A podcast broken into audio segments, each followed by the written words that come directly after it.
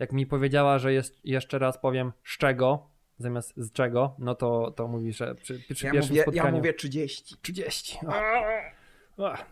Ale to jest straszne, bo po pierwsze mikrofon strasznie wyłapuje to wszystko. Po drugie, jak ja zaczynam szybko mówić, to też zaczynam seplenić. Mhm. I to jest straszne. Zresztą ja miałem problemy z cepleniem, jak byłem mały, chodziłem do ortopedy. Zawsze pamiętam, że jedno Okej. takie ćwiczenie było, to babeczka mi kazała robić jak, wiesz, kierunkowskaz. A, Albo nawet bardziej tak mocno, tak, no, no, coś no. ten deseń. To są ciekawe rzeczy w ogóle, y, takie ćwiczenia logopedyczne. Ja, ja w ogóle jak byłem mały, to miałem krzywe nogi. W sensie chodziłem, chodziłem coś, nie chodziłem jak normalny człowiek, Okej, tylko że chodziłem tak, miałem kolana blisko siebie i wiesz, jak górna część nóg A stopy była... na zewnątrz? Tak, a stopy na zewnątrz, nie? czyli, czyli nogi się schodziły w, na wysokości kolan. Coś nie więcej, no taka kaka, taka kaka trochę byłem, nie? No, no, no, no. I moja mama poszła do lekarza Mhm. i to, co on kazał mi zrobić, Mhm. znaczy mamie, żebym ja to zrobił, kupiła mi buty rozmiar większe niż powinny Lewy na być. prawy. Lewy na prawe i jeszcze specjalne wkładki. No, no, I no, od no. tego czasu chyba poskutkowało. I w Tak. ogóle mnie. Może mnie to fascynuje, nie fascynuje. No ja to było jak ja się urodziłem, zacząłem chodzić, więc no to był, nie wiem, rok 9, 7, 9, 8 Mhm. i już wtedy medycyna była na tyle rozwinięta, że, że, takie, że takie metody się ogarnęło. No, no, no. Siostra Wiktorii chyba też ostatnio właśnie takie coś miała, że musiała nosić lewy na prawy but. Mhm. No, coś takiego było. Ale szczegółów nie pamiętam, też coś takiego, no, że wady stylu. Ale to jest bardzo ważne, żeby to wyłapać jak najszybciej. No bo. Dużo takich rzeczy można szybko, wy... znaczy ważne, żeby szybko wyłapać, bo wtedy praktycznie problem jest bardzo łatwo można rozwiązać. No, No, tym bardziej, jest... że jak jest się dzieckiem. no jak już jest dziecko starsze, to już jest jest, problem. z gumy i z magii. Na przykład. Nie no, słyszałem takie. I z miłości. I z miłości. Miłość to wiesz, miłość to jest pretekst, żeby je zrobić. Chociaż nie zawsze. Patrz wpadki. Natomiast ten, natomiast ja kiedyś słyszałem takie historie, że na, nie wiem, na zasadzie przy, po dziecku przejechał samochód. Po stopach. Nie po stopach, po dziecku. Aha, Po prostu. Typu, nie wiem, czy to było coś na zasadzie, że gość, znaczy nie wiem, pan, pani ma dziecko, to dziecko No. się bawi, ten no, pan No, no. wsiada do samochodu, powoli wyjeżdża, okazuje się, że dziecko wlazło pod samochód, nie? I, i Tak. ups. No i okazało się, że dziecko wyszło bez szwanku w ogóle. A, No, bo to jest prawda. tam, te wszystkie chrząstki jeszcze są na tyle elastyczne, że to dziecko potrafi przeżyć, nie? Tak, I kości są to- jeszcze takie, no jeszcze nie wszystkie kości są zwapnione, tylko, No, właściwie w ogóle żadne praktycznie. tylko są same chrząstki. No a to po to, żeby dziecko ła- łatwiej wyszło z dróg rodnych No i przy okazji też... No, i nie rozwaliło mamy od środka, nie? No kurczę, no tak no, jest. Tak, no. jak najbardziej, no tylko dla mnie, ja sobie od razu taki wybuch wyobrażam. Tak, no tak wiesz, nie, że w stylu, wiesz, film, filmu obcy, nie? I dziecko wadzi! Jakieś macki dookoła, nie? No. Krew, wszystko. Później jedną przebija głowę tego, tego lekarza dyżurnego, zaczyna nim machać, wiesz, obijać od jednej ściany sufitu drugiego. No. Przychodzą żołnierze z karabinami, dobra, to już poszło za daleko. E, poszło za daleko, to zacznijmy. Dobra, w porządku. Dobra. Dobra. E, To cześć. Cześć, dzień dobry. Jesteśmy podcast Hechemiczny i to jest nasz trzeci odcinek. Wow, dotrwaliśmy. Wow, Trzeci Są- odcinek, szósty tydzień. tak jest, są dwa odcinki Jeszcze już. trzy miesiące, Patryk, i... Trzy miesiące i będzie więcej odcinków. Nie, czekaj, wróć. Szósty tydzień, nie szósty miesiąc, Boże. ja- chciałem do, znowu do dziecka nawiązać, ciągle. A, dobra. Urodzimy no. mi wspólny mikrofon. Trzeci odcinek, dwa odcinki za nami. Jeżeli ktoś jeszcze nie słuchał, to zachęcamy do odsłuchania. Yy, No i co? I chyba będziemy zaczynać, a Tak. zaczniemy sobie od takiego naszego kącika yy, wpadek i poprawek. Tak, nazwanego roboczego przypisami. Tak jest, przypisy. E, tak, ja zacznę, bo ja mam, ja zrobiłem Śmiało. kilka baboli ostatnio. Mhm. Pierwsze co? To chodzi o nazwę Monteverestu. Bo ja A, mówiłem, że, że- tak, że Sagramata jest z nepalskiego, Chomolungma jest z tybetańskiego i ty Okej. pytałeś, czy to nie jest na odwrót. Tak, wydawało mi się, że Chomolungma to jest z nepalskiego. Nie jest na odwrót. A, dobrze powiedziałeś. Tak, dobrze a, powiedziałem. No to super. Także dziękuję. E, drugi, e, bo też e, Aha. jednym z tych takich osiągnięć w Mont Everestie było to, że ktoś napisał tweeta. Z, Yy, z- ze szczytu, okej, no, no, no, I, no. Ten, I ten tweet brzmiał mniej więcej, że. Yy... Pomóżcie mi, zdejmijcie mnie Nie. stąd. nie, znaczy fajnie by było, ale to było coś, coś w ten deseń, że e, tu zresztą dam cytat po prostu znowu. Szczyt Everestu po raz dziewiąty, pierwszy tweet z dachu dzięki słabemu sygnałowi. Ja, ja wtedy powiedziałem 5G. A, dobra, tak no pamiętam. I, i, Mhm. i się zastanawiałem, czy, się, czy tam było faktycznie 5G, czy ja się zagalopowałem. To były trochę zbyt wczesne czasy na, Na 5G, no bo to tak. były b- bliżej 2000, Tak, tak, tak, 2000-2005, bo to już nie pamiętam daty. I zastanawiałeś się, czy sobie źle zapisałeś, czy o tak, co tak, chodzi tak, z tym tak. 5G. I to, było, I to było 3G oryginalnie, Okej. ale W tym Twitterze, w treści? Tak, tak, w Mhm. treści tego tweeta. I ale to jest ciekawe, bo y, też jedną z kwestii, którą ty akurat poruszyłeś jest to, że Mount Everest będzie ponownie mierzony. Dokładnie. I teraz po pierwsze, to jest jedyna ekspedycja, która teraz idzie na Mount Everest, bo wszystko zostało odwołane przez koronawirusa. Okej, czyli ta ekspedycja, która ma mierzyć Mount Everest, jednak idzie. Tak, ona Okej. idzie. Ona jest jedyną grupą, która idzie. Tam jest, w ogóle tam są 53 osoby. Mhm, mhm. Oni zaczęli, y, no zaczęli gdzieś właśnie w, w marcu, w maju. Mhm. Y, gdzieś w tym okresie. I też co ciekawe, jeszcze wcześniej to 5G jest dosyć śmiesznym nawiązaniem, bo okazało się, że China Mobile i Huawei Mhm. stawiają maszty 5G na Mount Everestie. O, Stawiają, 19 kwietnia postawili na nadajniki na wysokości 5300-5800 metrów. mhm. Mają postawić jeszcze dwa na około 6500 6 6,5 tysiąca metrów yy, nad poziomem morza na tej górze. aha. Nie wiem, czy planują wyżej, ale podobno zasięg ma już objąć cały Mount Everest. E, A to nie jest. Aha, no dobra. No, no bo to jest tak, że 5G ma krótki zasięg, prawda? Yy, też i bardzo łatwo jest go zakłócić. Na zasadzie, że stoisz przy nadajniku, masz super wielki transfer, pójdziesz za budynek, który zasłania ci ten maszt i już jest taki dosyć duży Mhm. tak, no, duży znaczy te spadek. nadajniki muszą być bardzo gęsto usiane, tak? Tak, tak, to jest ten największy problem. No to, problem czyli, 5G. czyli to ta antena 5G, no to nie rozumiem, no na przykład w Siebodzinie, w koronie e, Chryst, no Jezusa Chrystusa są anteny takie jakieś tam Aha, satelitarne są, i tak okej, dalej. super. Tak, dobra. no ale no i to jest po to, żeby wysoki punkt, no to tam jest y, dobry, dobre miejsce, żeby postawić antenę, no bo ona wtedy ma szeroki zasięg, nie? Mhm, tak. No a 5G tak, no, ma takie ograniczenie, że ma krótki zasięg, czyli to jest taka typowo sieć tylko dla Mount Everest i tylko dla tych wspinaczy, jak gdyby, tak? Chyba coś ten deseń. Okej. Bo też generalnie gdzieś była, w ogóle Chiny prowadziły transmisję na żywo, właśnie z Aha. wysokości 5300 metrów Aha, na Mount Everest. W Okej. ogóle był taki szczyt Mount Everestu po prostu widoczny. okej. I to było w 4K. U, Więc no, dosyć dobry test. U. Także no, 5G dotarło nawet na Mount Everest. Dobrze, a powiedz mi tylko ta ekspedycja, która idzie jednak Mhm. na Mount Everest, to No. ona jest nepalska, tak? Czy nie jesteś pewien? Okej, O, teraz nie powiem. okej, no Ale dobra. to, to y, ojej, nie wiem, nie wiem. Teraz Okej. nie powiem. Wiem tylko, że tam są 53 osoby. Okej, duża ekspedycja. E, tak. I oni wyruszyli gdzieś właśnie w maju, Mhm. tylko że nie doszukałem się informacji, żeby oni już zmierzyli i podali tą faktyczną wysokość. Mhm. Bo to oni się Mhm. też muszą właśnie zaaklimatyzować, oni mieli tam szkolenia w górach, więc znając życie trochę im to zajmie. I mają zmierzyć tę wysokość Mount Everestu. I teraz Mhm. ostatni oficjalny pomiar jest z 2010 roku. I to jest właśnie te 8848 metra z czapą Okej. lodową i 8, 8844 bez czapy, czyli 4 metry różnicy Mhm. ta czapa lodu daje. Natomiast gdzieś też spotkałem się z y, informacją, że Mount Everest rośnie mniej więcej 7 cali na rok. A To nam daje jakieś 18 cm Okej, niecałe, okej. więc licząc od tego ostatniego pomiaru to jest 10 lat, Mhm. czyli mielibyśmy jakieś, no już za okrągłą metodę do 2 metrów. Aha. Więc może być 8850 i tak się, tak gdzieś właśnie też się spotkałem z taką wersją, ale ona jest właśnie na podstawie tych, y, tych Mhm. pomiarów, które są zrobione i tych szacunków bardziej, że są zrobione. O, no spoko, no spoko. Kolejna kwestia, Aha, y, y, kolejna rzecz do poprawienia. kolejne zdanie, Okej, okej. E, Bo jak mówiłem ci o tym e, wpływie wysokości na zdolności poznawcze, Mhm. że oni tam mieli do czytania tekst i ten tekst podałem przykład, tak po prostu luźno rzucony, że dzisiaj w Tokio, stolicy Chin, Patryk zjadł dwa pierogi i tam coś dalej. Aha. No Tokio nie jest stolicą Chin. No tak. Najlepsze jest to, ja tego nie wyłapałem, ty tego nie wyłapałeś. No nie wyłapałem. wcześniej. Chociaż, aha, bo y, y, chyba możliwe, że w tamtym momencie pomyślałem, że na tym test polegał, że wyłap ten błąd. Albo okej, właśnie, bo ja też, ja też już nie pamiętam tego oczywiście. Czy ja po prostu mówiłem to na zasadzie po prostu powiedz cokolwiek z czapy, czy A. po prostu się E- pomyliłem, co jest równie, równie, równie, Równie prawdopodobne.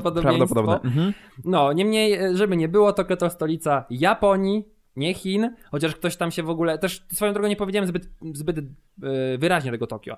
Powiedziałem coś na zasadzie bardziej Tokio, a Toklo, coś ten okej. deseń. To też mi kolega zwrócił No na to dobrze, to A to, to, już, to już jest, to, ja, to, ja tego babola odbijam. Dobra. Kolejna kwestia, szósta Aha, z aha. kolei, jeszcze dwie, spokojnie. Jeszcze dwie. Włącznie trzy. Szybko idzie w sumie. Szybko Mhm. idzie, no. Także dzisiaj odcinek, wiecie. Dosta dostałem prośbę od znajomej, żeby był 20 minut, także koń skończę potem i będzie koniec odcinka. Yy, rzut serca i... Yy, blablabla. tak, rzut tak, serca i objętość wyrzutowa. Mhm, Czym to się różni? Bo ja się trochę zagalopowałem w odcinku. Otóż Mhm. rzut serca, czyli ten objętość krwi, jaką serce tłoczy w ciągu minuty do naczyń krwionośnych, Mhm. o, ją się liczy w ten sposób, że masz iloczyn skurczów serca i objętości wyrzutowej. Okej. Czyli jedno wchodzi w skład drugiego. W sensie Okej, jedno jest czyli e, by policzyć- parametrem w równaniu, które daje ci rzut serca. I ta objętość wyrzutowa to jest właśnie ilość krwi wtłaczanej przez jedną z komór serca do odpowiedniego zbiornika tętniczego w czasie pojedynczego skurczu.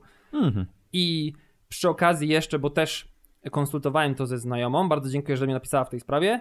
Z przyczyn, nie wiem, RODO nie napisała, że, że chce być wymieniona z imienia, więc y, dziękuję pani M. Y, I bo ja mówiłem coś o tym, że, że rośnie serce, że jego ściana jest grubsza i nie wiedziałem, nie, nie do końca byłem w stanie zinterpretować to, czy to jest pozytywne, czy negatywne zjawisko. I teraz Mhm. okazuje się, że jest, jeżeli, że jeżeli serce jest większe, ono ma trochę trudniej, żeby tę krew pompować i to właśnie skutkuje tym, że ono trochę szybciej bije.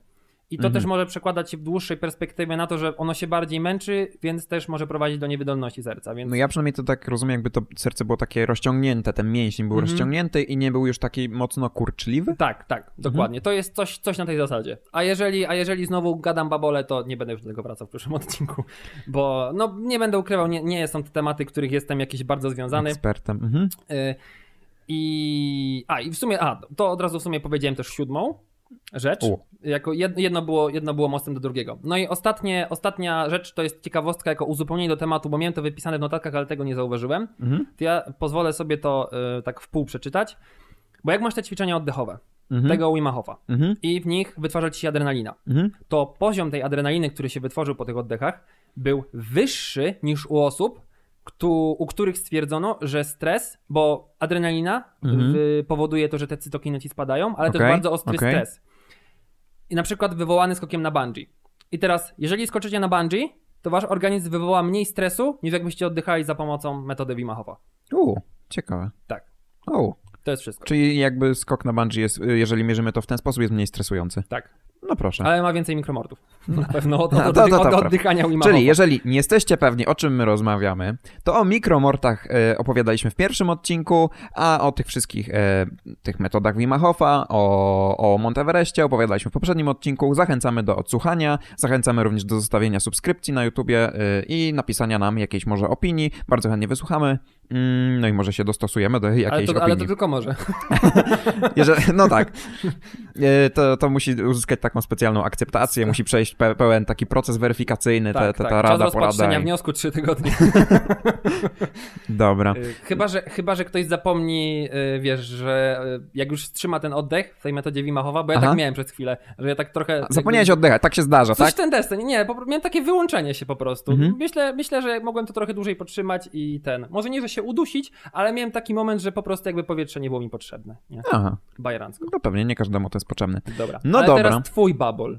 Tylko jeden, niestety. Yy, mój babol polegał na tym, że powiedziałem, że prozopagnozja jest to choroba, która polega na tym, że człowiek, który cierpi na nią, yy, nie jest w stanie rozpoznawać twarzy. Mhm. Skłamałem w momencie, gdy powiedziałem, że prozopagnozja jest to choroba. To nie jest choroba, to jest pewne zaburzenie, a może wynikać z, e, z takich rzeczy właśnie jak udar, szczególnie prawej półkuli e, mózgu. I to też przekazała nam słuchaczka, także bardzo też dziękujemy za, za, za tę uwagę. I to jeszcze mi powiedz, Aha. jeśli wiesz, Aha. możesz teraz wkopać i będziesz miał babola na następny Będę miał babola i będę na samym tłumaczył. początku. Mhm. Y, choroba, a y, Jezus, to drugie. Y, Zaburzenie? Zaburzenie. No, jesteś w stanie mi to wytłumaczyć? Różnicę? Znaczy, zaburzenia mogą wynikać z choroby, nie? Choroba Okej. to jest taka już jednostka. No, znaczy, no, no, prozopagnozja to, to jest jakiś taki. Ło, mamy nowego subskrybenta, by the way, bo O, no to super.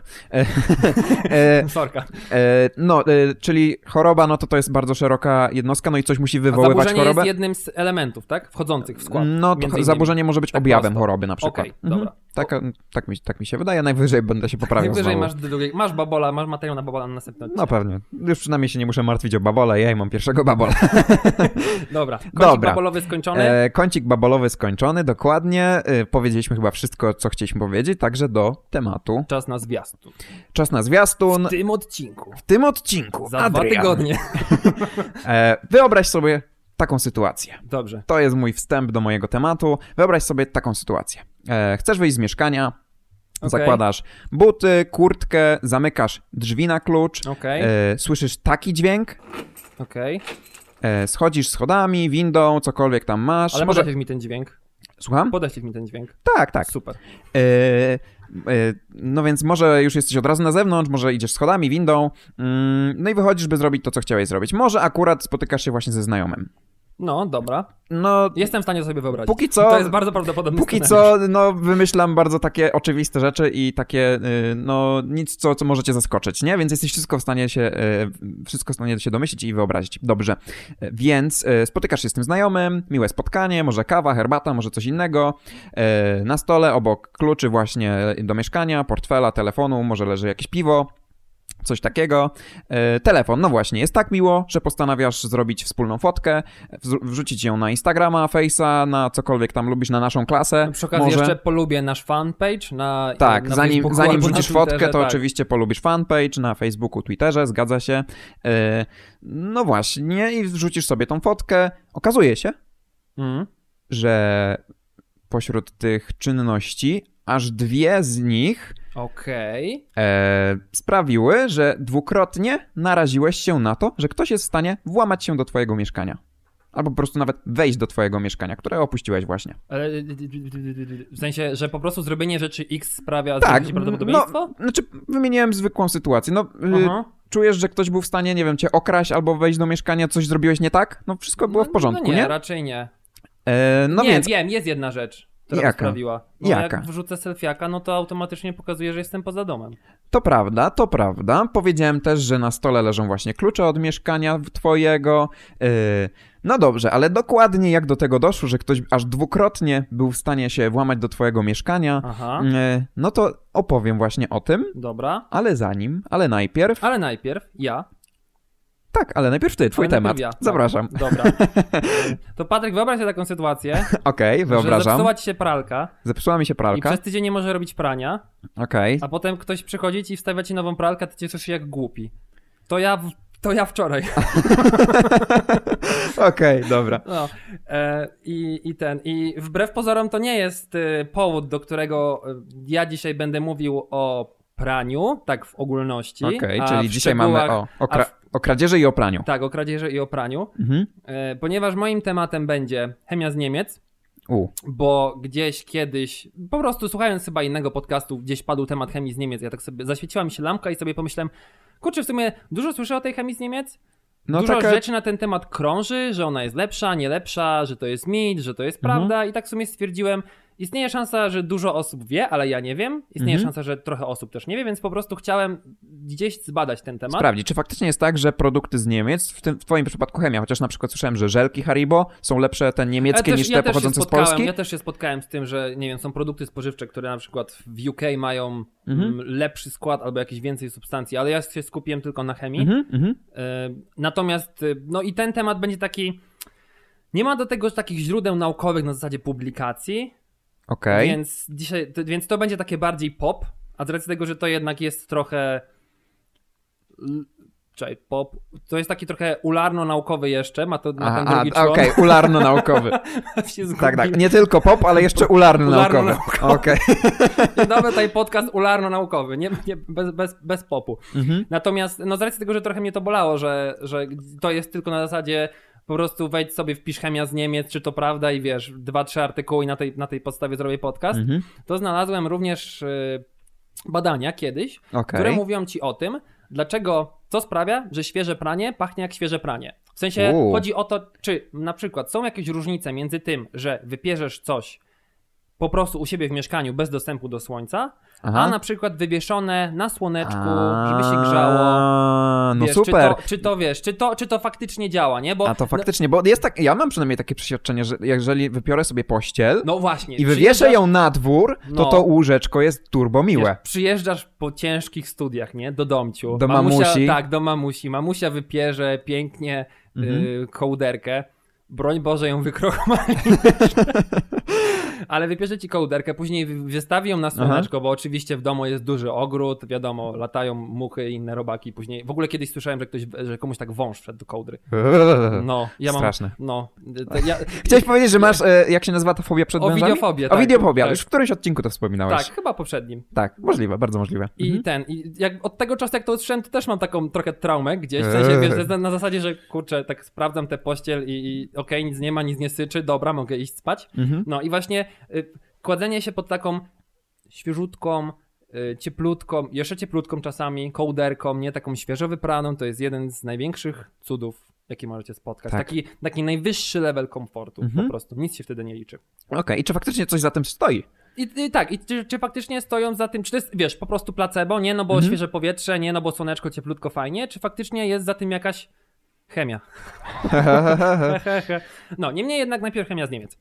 I na No początek, i teraz tak, tak jak mówiłem, ja bazowałem na artykułach takich po no prostu... nienaukowych. Nienaukowych, tak, po prostu ze stron. I te strony bazowały na po prostu badaniach leconych na zlecenie, badaniach marketingowych. Mhm. I pierwszym jest y, artykuł, który nazywa się Handel detaliczny artykułami chemii gospodarczej w Polsce 2016. To jest jakiś taki raport dla jakiejś instytucji, czy? Jest to coś takiego jak PMR Consulting and, and Research. Okej, okej. To jest polskie. Yes, of course. Yes, Mhm. of course. This is Polish. That's Polish. That's Polish, yes, E, yes, of I course. ten, w ogóle ro- rozbraja mnie to, że Polish to jest też polerowanie, nie? Po tym, po... Nie, bo, bo po, Polish to jest polerowanie, Tak, a ale Polish... wiem, że Polish to, Mhm. jest, to jest Polska, ale no generalnie wiesz, no Polish, Polish, nie? Tak, tak, Polish, No. Polish, pole. Yy, I no i więc dotarłem do tego artykułu, Mhm. w sensie do tego jakby raportu, ja bym to raczej nazwał raportem, Jasne? tylko że on był za paywallem, nie? W sensie trzeba było zapłacić, Uuu. żeby tam dostać akces. No może aż tak bardzo nie chciałem wchodzić, wchodzić w research do tego, do, do tego tematu. No i oni...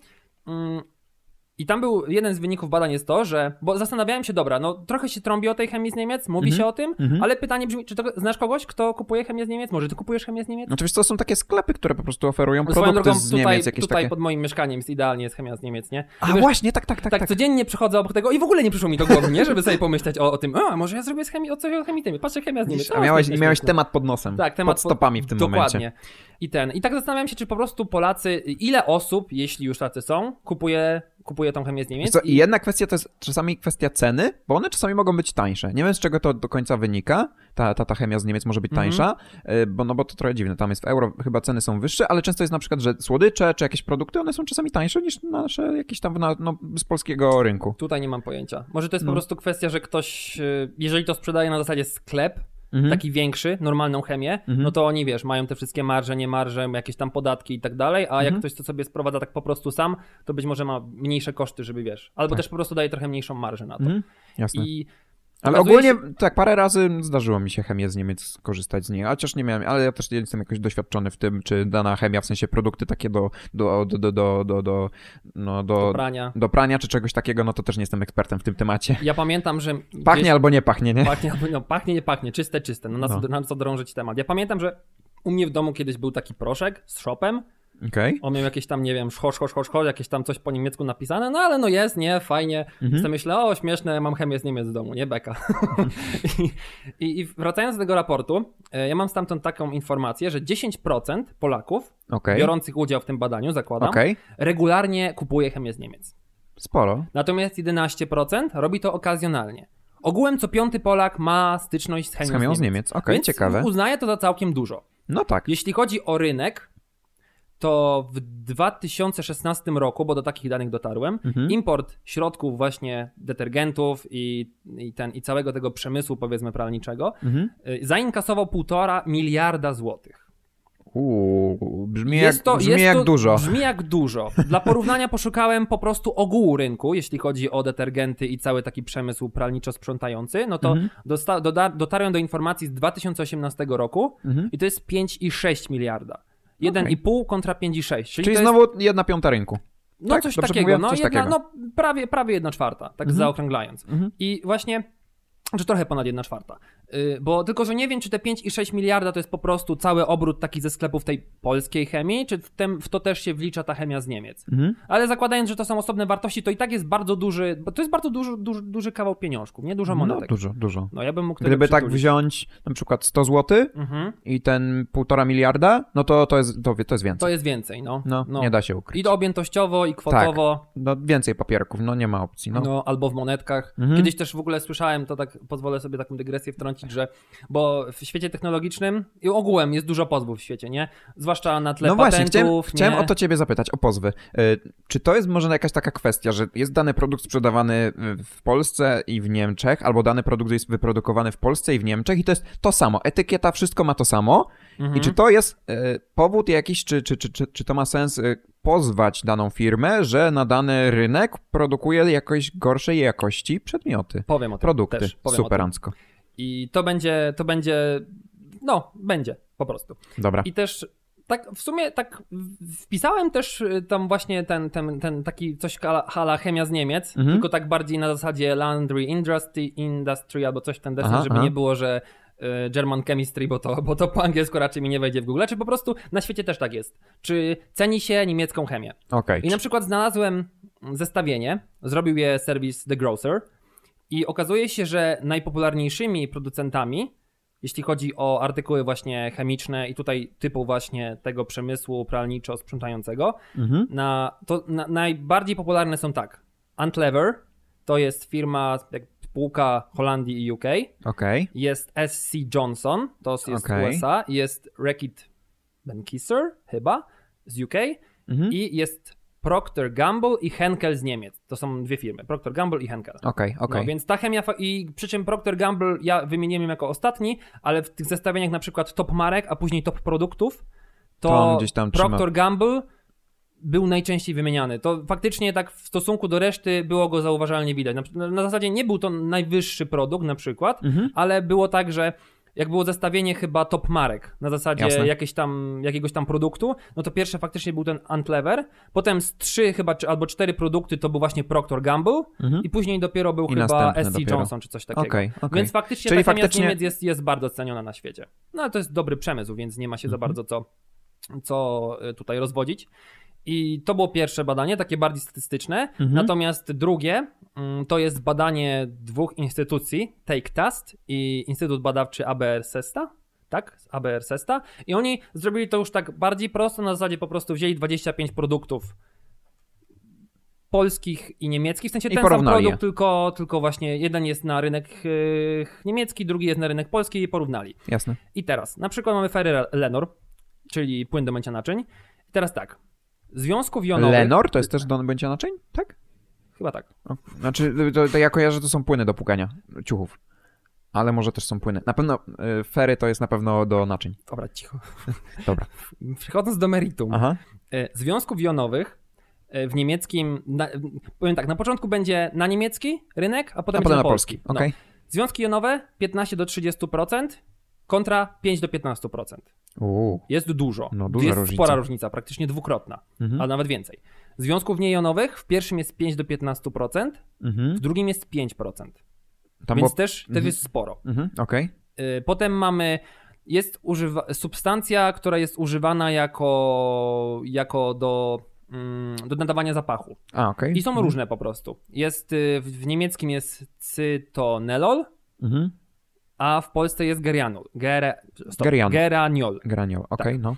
Y, Ja zaraz, zaraz będę tłumaczył mniej więcej o co chodzi, skąd te różnice, więc na razie po prostu wymienię, żeby, żeby był jakiś tam ciąg zachowany. na razie jest po prostu różnica. Tak, jest duża różnica i jest różnica na kość, korzyść produktów niemieckich. Okej. Że jest po prostu są, jest ich więcej, większe stężenia, większe ilości. Mhm. Potem jest perwol, czyli płyn do prania. Mhm. I tak, jeśli chodzi o związki zapachowe, no to właśnie, w produkcie niemieckim są wymienione związki zapachowe, Mhm. które zostały użyte, w polskim nie ma. Ale też czyli na z- etykiecie, tak? Są Tak, po na prostu etykiecie, wymienione tak. e, substancje jak- zapachowe, czy jakie? E, Yy, nadający zapach, tak. Nadający zapach, okej, tak. okej. W polskim produkcie, produkcie tego nie ma. Hmm. Ale w polskim prawie nie ma obowiązku ich podania, więc to nie jest jednoznaczne Właśnie tym, chciałem że się zapytać, nie właśnie chciałem się zapytać, czy, czy, czy, czy, czy mm, wymagania co do tego, jakie są etykiety na rynku polskim i niemieckim, czy są takie same? To nie, nie Ale- weryfikowałem tego, ale jak widać musi, chyba, chyba różne. są. Mhm. E, po, potem jest persil. Jeśli chodzi o związki jonowe i niejonowe, jest bardzo podobna tendencja, w sensie znowu jest ich więcej w produktach niemieckich. Mhm. Tak samo w substancjach zapachowych jest, y, w niemieckim są podane, w polskim nie. Mhm. Natomiast w przypadku zeolitów, no to 30% więcej jest w niemieckich niż w polskich. I zaraz wyjaśnisz, czym są te zeolity tak, na tak. przykład. Też mam, też mam różne substancje, które można znaleźć w różnych detergentach, głównie, Okej. głównie y, takim segmencie właśnie do prania Mhm. i, i powiem mniej więcej co oznaczają. Super. Dalej mamy odplamiacz y, Vanish i on ma, y, tutaj badano rozjaśniacze optyczne, bo była różnica, czyli po prostu, że była bielsza biel.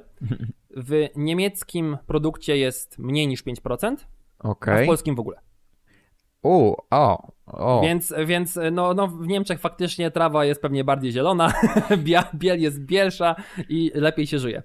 Natomiast o, teraz tendencja, i chociaż jed, jedyny produkt ma tendencję odwrotną i to jest Blendamet, no to pasta do zębów. Okej. Jeśli chodzi o zawartość bar- barwnika niebieskiego, Mhm. to po prostu, to w niemieckim produkcie go nie ma, a w polskim jest. Mm. No ale to jest tylko barwnik, nie na No zasadzie właśnie- po prostu jak masz tą tubkę, no to tam masz te niebieskie paski, a w niemieckim tego nie ma. A, no to mała różnica, w sensie to pewnie jest tylko taka estetyczna różnica. No, a jeśli chodzi o skład y, substancji zapachowych, tak no to są różne po prostu. Tak jak wcześniej tam wymieniłem na przykład ten cytreniolololo to kontra już chyba trochę kwestia gustu może. Tak, no i właśnie przede wszystkim y, jeszcze powiem tylko co, jakie substancje można spotkać w praniu i powiem y, jakie są konsekwencje tego, że czegoś jest więcej, czegoś jest mniej, jak to się przekłada na praktyczny ten, na praktyczny odzysk. No. Więc tak, jeśli chodzi o te de- detergenty do, do prania, laundry de- detergents, mm, bo w ogóle bardzo duży problem z tłumaczeniem tego. Tak wydaje mi się, że po angielsku to jest bardziej fachowo opisane niż, na przykład, nie wiem, jest przemysł pralniczy? Pralniczy, albo, właśnie- no czy jest taki przymiot, przymiotnik pralniczy, nie? Właśnie, tak, mam, mam duży problem z tłumaczeniem. Też zresztą mam tutaj parę, ja będę też część tych środków mówił po angielsku, bo po prostu nie znalazłem takiego tłumaczenia dobrego. Proponuję płyny do pranka. Płyny do pranka. Dobrze. E, Super. Rynek płynów do pranka. Zestawienie marketingowe Polska 2019. E, Baj podcast chemiczny. Konferencja producentów płynów do pranka. Płynów do pranka. E, Firma Henkel jest największą firmą produkującą płynki Płyny- do pranka. 100% zadowolenia. 99 konsumentów poleca płynki do pranka. I reklama. Moje pranko, moje pranko nigdy tak nie pachniało świetnie jak teraz. Dobrze. Więc wracając do składników, Mhm. E, podstawą są surfaktanty i Mm, to okej. są tak zwane związki powierzchniowo-czynne, czyli po prostu głównie zmieniają trochę powierzchnię między na przykład, nie wiem, wodą, powietrzem albo jakimiś tam dwoma roztworami. Mhm. E, One, składa, one zwiększają zdolność zwilżania i Mhm. emulgowania, czyli ułatwiają łączenie się nie mieszających się substancji. Tak jak na przykład mamy olej i wodę, no to widać zawsze, nie wiem, no... Mhm. Tak jest, na- no jak myjemy naczynie, no to dodajemy właśnie surfaktantu po to, żeby łatwiej ten olej się... Dokładnie, żeby jedno przeszło w drugie. No, tak samo roz, jest lepsze rozproszenie jednej fazy w drugiej, czyli lepsze rozproszenie tego oleju w wodzie. E, Mhm. Kontrolują też spienienie i przez to też łatwiej usuwają e, cząsteczki brudu od materiału, bo one są zwią- zrobione z takich związków organicznych, to się zawsze w, szkola, w szkołach mówi na studiach, wiesz, hydrofilowy łańcuch z hydrofobową główką, nie? Tak jest, tak Taki się to... Mhm. powiedzmy, no już, e, no, taki Jakiejś robaczek, chemii nie? na Taki- poziomie, na taki poziomie robaczek, liceum, nie? czy może nawet jeszcze podstawówki, Tak, no bo, to bo tak. tutaj o to chodzi, że po prostu jak one się zaczynają aglomerować ze sobą, no to jest tak po prostu, że one są główką, tymi główkami do środka, Mhm. one wtedy otaczają tą cząstkę brudu, Mhm. natomiast te ogonki, one są na, Na, zewnątrz, tak. tak. Czyli uzupełnie. Jest cząsteczka i ona, ma, w, ona się składa z dwóch, jak gdyby podjednostek, jak gdyby, Tak, które... bo hydrofilowe ciągnie do wody, tak mówiąc w Tak, cudzysłowie, a a, hydrof- hydrofobowe po prostu ucieka od wody. I w ten Dokładnie. sposób one się tak aglomerują, że te, te cząsteczki hydrofobowe tworzą takie koło, a od nich po prostu odchodzą takie Tak jest. I w ten sposób one się, te hydrofobowe przyczepiają się na przykład właśnie do, do, do zabrudzeń, które nie rozpuszczają się w wodzie typu do tych tłuszczów i przez to łatwiej jest się je po prostu zmyć. Trochę tak gdyby jak, tak jak te, tak, tak jak gdyby te cząsteczki e, były łącznikiem pomiędzy wodą a olejem na przykład. Coś takiego, dokładnie. Mhm. I, no, I w ten sposób łatwiej pomagają usuwać e, cząstki brudu z materiału piorącego, które swoją drogą bardzo dobrze są przyczepione. Zresztą, no to chyba myślę, że myślę, że mm, nie jest to jakimś tam zaskoczeniem, patrząc po prostu, jak brud zwykle się trzyma koszulek i nie jest go tak No. łatwo wyprać, nie? Taki barszcz na przykład na O, Wigilię, na przykład, no, albo krew. albo krew to też, tak. E, dalej jest coś takiego, co nazywa się builders, Okej, builders, czyli, okej, no nie, no nie nazwę tego budowniczowie, czy coś okej. takiego. A co to robi? Y, zmiękcza wodę i zapobiega jej twardnięciu. Hmm. Y, Więc pomagają, w ten sposób pomagają surfaktantom koncentrować się na usuwaniu zanieczyszczeń. Okej. Zapewniają pożądany poziom zasadowości, y, który sprzyja właśnie między właśnie usuwaniu zabrudzeń. Mhm. Zapobiegają wtórnemu osadzaniu się zanieczyszczeń na materiałach Mhm. i jeszcze przy okazji też wspomagają to rozproszenie się tych plam, tych zabrudzeń w, w, w warstwie wody. Okej, okej. Później mamy, o matko, znowu Anti-Redeposition Agents, Jeżeli słucha nas jakiś producent y, jakichś środków do prania i zna jakieś odpowiedniki polskie, to chętnie posłuchamy. Czy są też jakieś takie szukałem, oficjalne? Szukałem, szukałem. Nie szukałem zbyt długo. nie będę Tak, ukrywał. szukałem, szukałem, szukałem trzy razy, czwartego już nie było. Tak, na drugą stronę Google'a już nie zajrzałem. I one też zapobiega, zapobiegają ponownemu osadzaniu się brudu na czystych materiałach. Mhm. Później mamy zeolity i one izolują, mm, izolują jony z otoczenia. Okej. i pomagają w ten sposób zmiękczyć wodę. No bo jak masz twardą wodę, To no tam jest przykład, dużo jonów, tak, na przykład wapnia. Na przykład jony wapnia, chyba też jony magnezu, no i Mhm, one po tak. prostu je wyłapują, bo jak to się strąci, no ten, żeby to się tam, e, żeby tą wodę Mhm. zmiękczyć. Później mamy środki alkaliczne właśnie, żeby zwiększyć zasadowość i przy okazji zwiększyć e, skuteczność usuwania tłustych zabrudzeń. Okej, czyli w środowisku zasadowym y, pranie jest skuteczniejsze, tak? Na to wychodzi. Na to wychodzi. Okej, nie, fajnie. jestem, nie jestem e, specjalistą płynków do pranka. No dobra. E, Później mamy inhibitory korozji, czyli w trosce o pralkę. Mhm. I różne substancje pomocnicze i, i wszelkiego rodzaju już substancje, które już nie zostały tam jakoś tam, wiesz, bardziej opisane. Na zasadzie barwniki, kontrolę mydlin, y, substancje wybielające, nie? Czyli ta No i coś na biel. pewno, żeby pachniało. Tak, żeby pachniało, tak, żeby dostosowało, dostosować lepkość i tak dalej, i tak dalej. No czyli po prostu, żeby pranko było jeszcze lepsze. Żeby I też przy okazji można było prankiem. prać je Mhm. w niższych temperaturach tak samo, bo też ostatnio A. gdzieś, gdzieś robiąc research- na, na, trafiłem na informację, chyba BASF y, zrobił jakiś środek do prania, który pozwala prać już w 20 stopniach. A, no tak, No no, bo bo w to jest mniejszej- korzystne dla tak. tkaniny po prostu. Im, to raz, a dwa, im mniejsza temperatura Tym prania, mniejsze tym- zużycie energii. tak, tym mniejsze zużycie energii, więc, No więc okej. też my jako konsument na tym zyskujemy podwójnie. I teraz pytanie. Mhm. Biorąc pod uwagę to, że środków chemicznych w niemieckich płynkach do pranka, proszkach do proszeczkach do pranka i, całej, i całym przemyśle pran, prankowym, Jest więcej tego tam, tak? tak, że jest więcej, więcej tych substancji w środkach chemicznych, no jakie to ma przełożenie w konsekwencji? Ogółem no te środki niemieckie są bardziej stężone, też mogą być przez to bardziej gęste, a Okej. polskie są bardziej Czyli rozrzedzone. można ich mniej używać, jak gdyby. Tak, właśnie W sensie to... mniejszą objętość. Tak, przez to, że polskie środki mają, są trochę bardziej rozcieńczone i mają mniej tych substancji, to znaczy, że trzeba ich stosować więcej. Czyli trochę nas oszukują. Czyli Kupujemy pół litra tutaj, że pół litra tutaj. że nas oszukują. Pół litra. Mhm. Tak, z tym, że, no bo to musi z czegoś wynikać. I każda firma Mhm. ma swoje, oczywiście, y, Jezus, czekaj, też wypadło mi teraz słowo, badania marketingowe. Jasne. Robią, dzień, dzień dobry, sonda, nie? Y, ile razy pan coś pierze, jak pan pierze i, i pada, i takie pytania na zasadzie preferencje, nie? Typu jaki zapach pan lubi i tak dalej, i tak dalej, ile pan chce ceny No wiadomo, takie wszystkie cenne dane, które mogą się przydać Dokładnie, firmie. no, które Mhm. później pomagają po prostu proces produkcji ulepszyć. I główne pytanie, czy stosuje się pan do dawki, która jest napisana na opakowaniu i na etykiecie? U, no. No i z tego wychodzi, przynajmniej takie jest oficjalne tłumaczenie, że Polacy leją za dużo środków. A, i, tak po na przekór, nie stosują się do dawek. i to na przekór jest rozcieńczone już. Tak, więc na przekór z badań wychodzi, że on jest rozcieńczony po to, żebyśmy nie przesadzili z tym środkiem do prania. Hmm. Więc Polacy to wasza wina. Jeden konkretny wniosek. Przynajmniej tak mówią nam Niemcy. Tak, przynajmniej tak mówią nam Nie- Niemcy, oszukują nas. E, Bo znowu, też zobaczyłem, co powoduje to, że e, da, jeżeli dasz za dużo detergentu, za Mhm. dużo płynku do pranka dasz, Mhm. to jest za dobre. Jeżeli za dużo płynku do pranka dasz do swojej tej, e, jak za dużo płynku do pranka, to twoja pralka zostanie sprankowana. A, sprankowana. Dobra. E, No więc co się stanie, jak za dużo płynka, płynku do pranka podamy do pralki? Co E, będzie z prankiem? Jest kilka elementów. Mhm. Jeżeli damy za dużo tego detergentu, Mhm. to okaże się, że pralka może mieć problem z tym, z tym żeby te wszystkie detergenty usunąć. Usunąć Bo na przykład będzie za dużo piany, więc albo jeżeli pralka nie jest powiedzmy mądra i dostosowuje się, ma jakieś tam czujniki, które patrzą ile jest piany i ile trzeba pukać ubrania, żeby one były czyste, Mhm. no to w tym momencie te detergenty mogą nam zostać. One mogą później tworzyć nieprzyjemne zapachy, Okej. czyli można powiedzieć po prostu, że nasze pranie nie będzie wyprane, w Mhm. skrócie. Mhm. Natomiast y, co gorsza, okazuje się, że może to na przykład sprzyjać rozwojowi pleśni U. w pralce. Do tego, jeśli pralka faktycznie jest mądrzejsza i ma jakieś czujniki mówiące nam, że faktycznie jest za dużo piany, więc trzeba użyć więcej wody, no to w ten sposób właśnie zaczyna się być większe zużycie silnika, zużycie pompy wody i to znowu przekłada się na większe zużycie energii, Mhm. A to, że części pralki pracują z trochę większą, mm, po prostu pracują więcej, no to się szybciej zużyją, co znowu sprzyja nam mm, awarii tej Czyli wniosek jest prosty. Czytajmy instrukcję. Tak, czytajmy instrukcję. wow. I, i, I właśnie podobno, według badań, Mhm. osoby z, za Odry, za naszą zachodnią granicą, Okej. e, czyli w RFN albo w NRD, nie, Jezus, nie, nigdy nie, nie kojarzyłem tych nazw. E, po Mhm. prostu oni tam się stosują do tych etykiet, A my nie. a my nie. My jesteśmy niepokorni. Ja się nie będę za siebie wypowiadał w tym temacie. Ja Ma, ale masz nową pralkę i co? I, ma pralkę i co? I teraz będziesz sobie czytał instrukcję. No tak.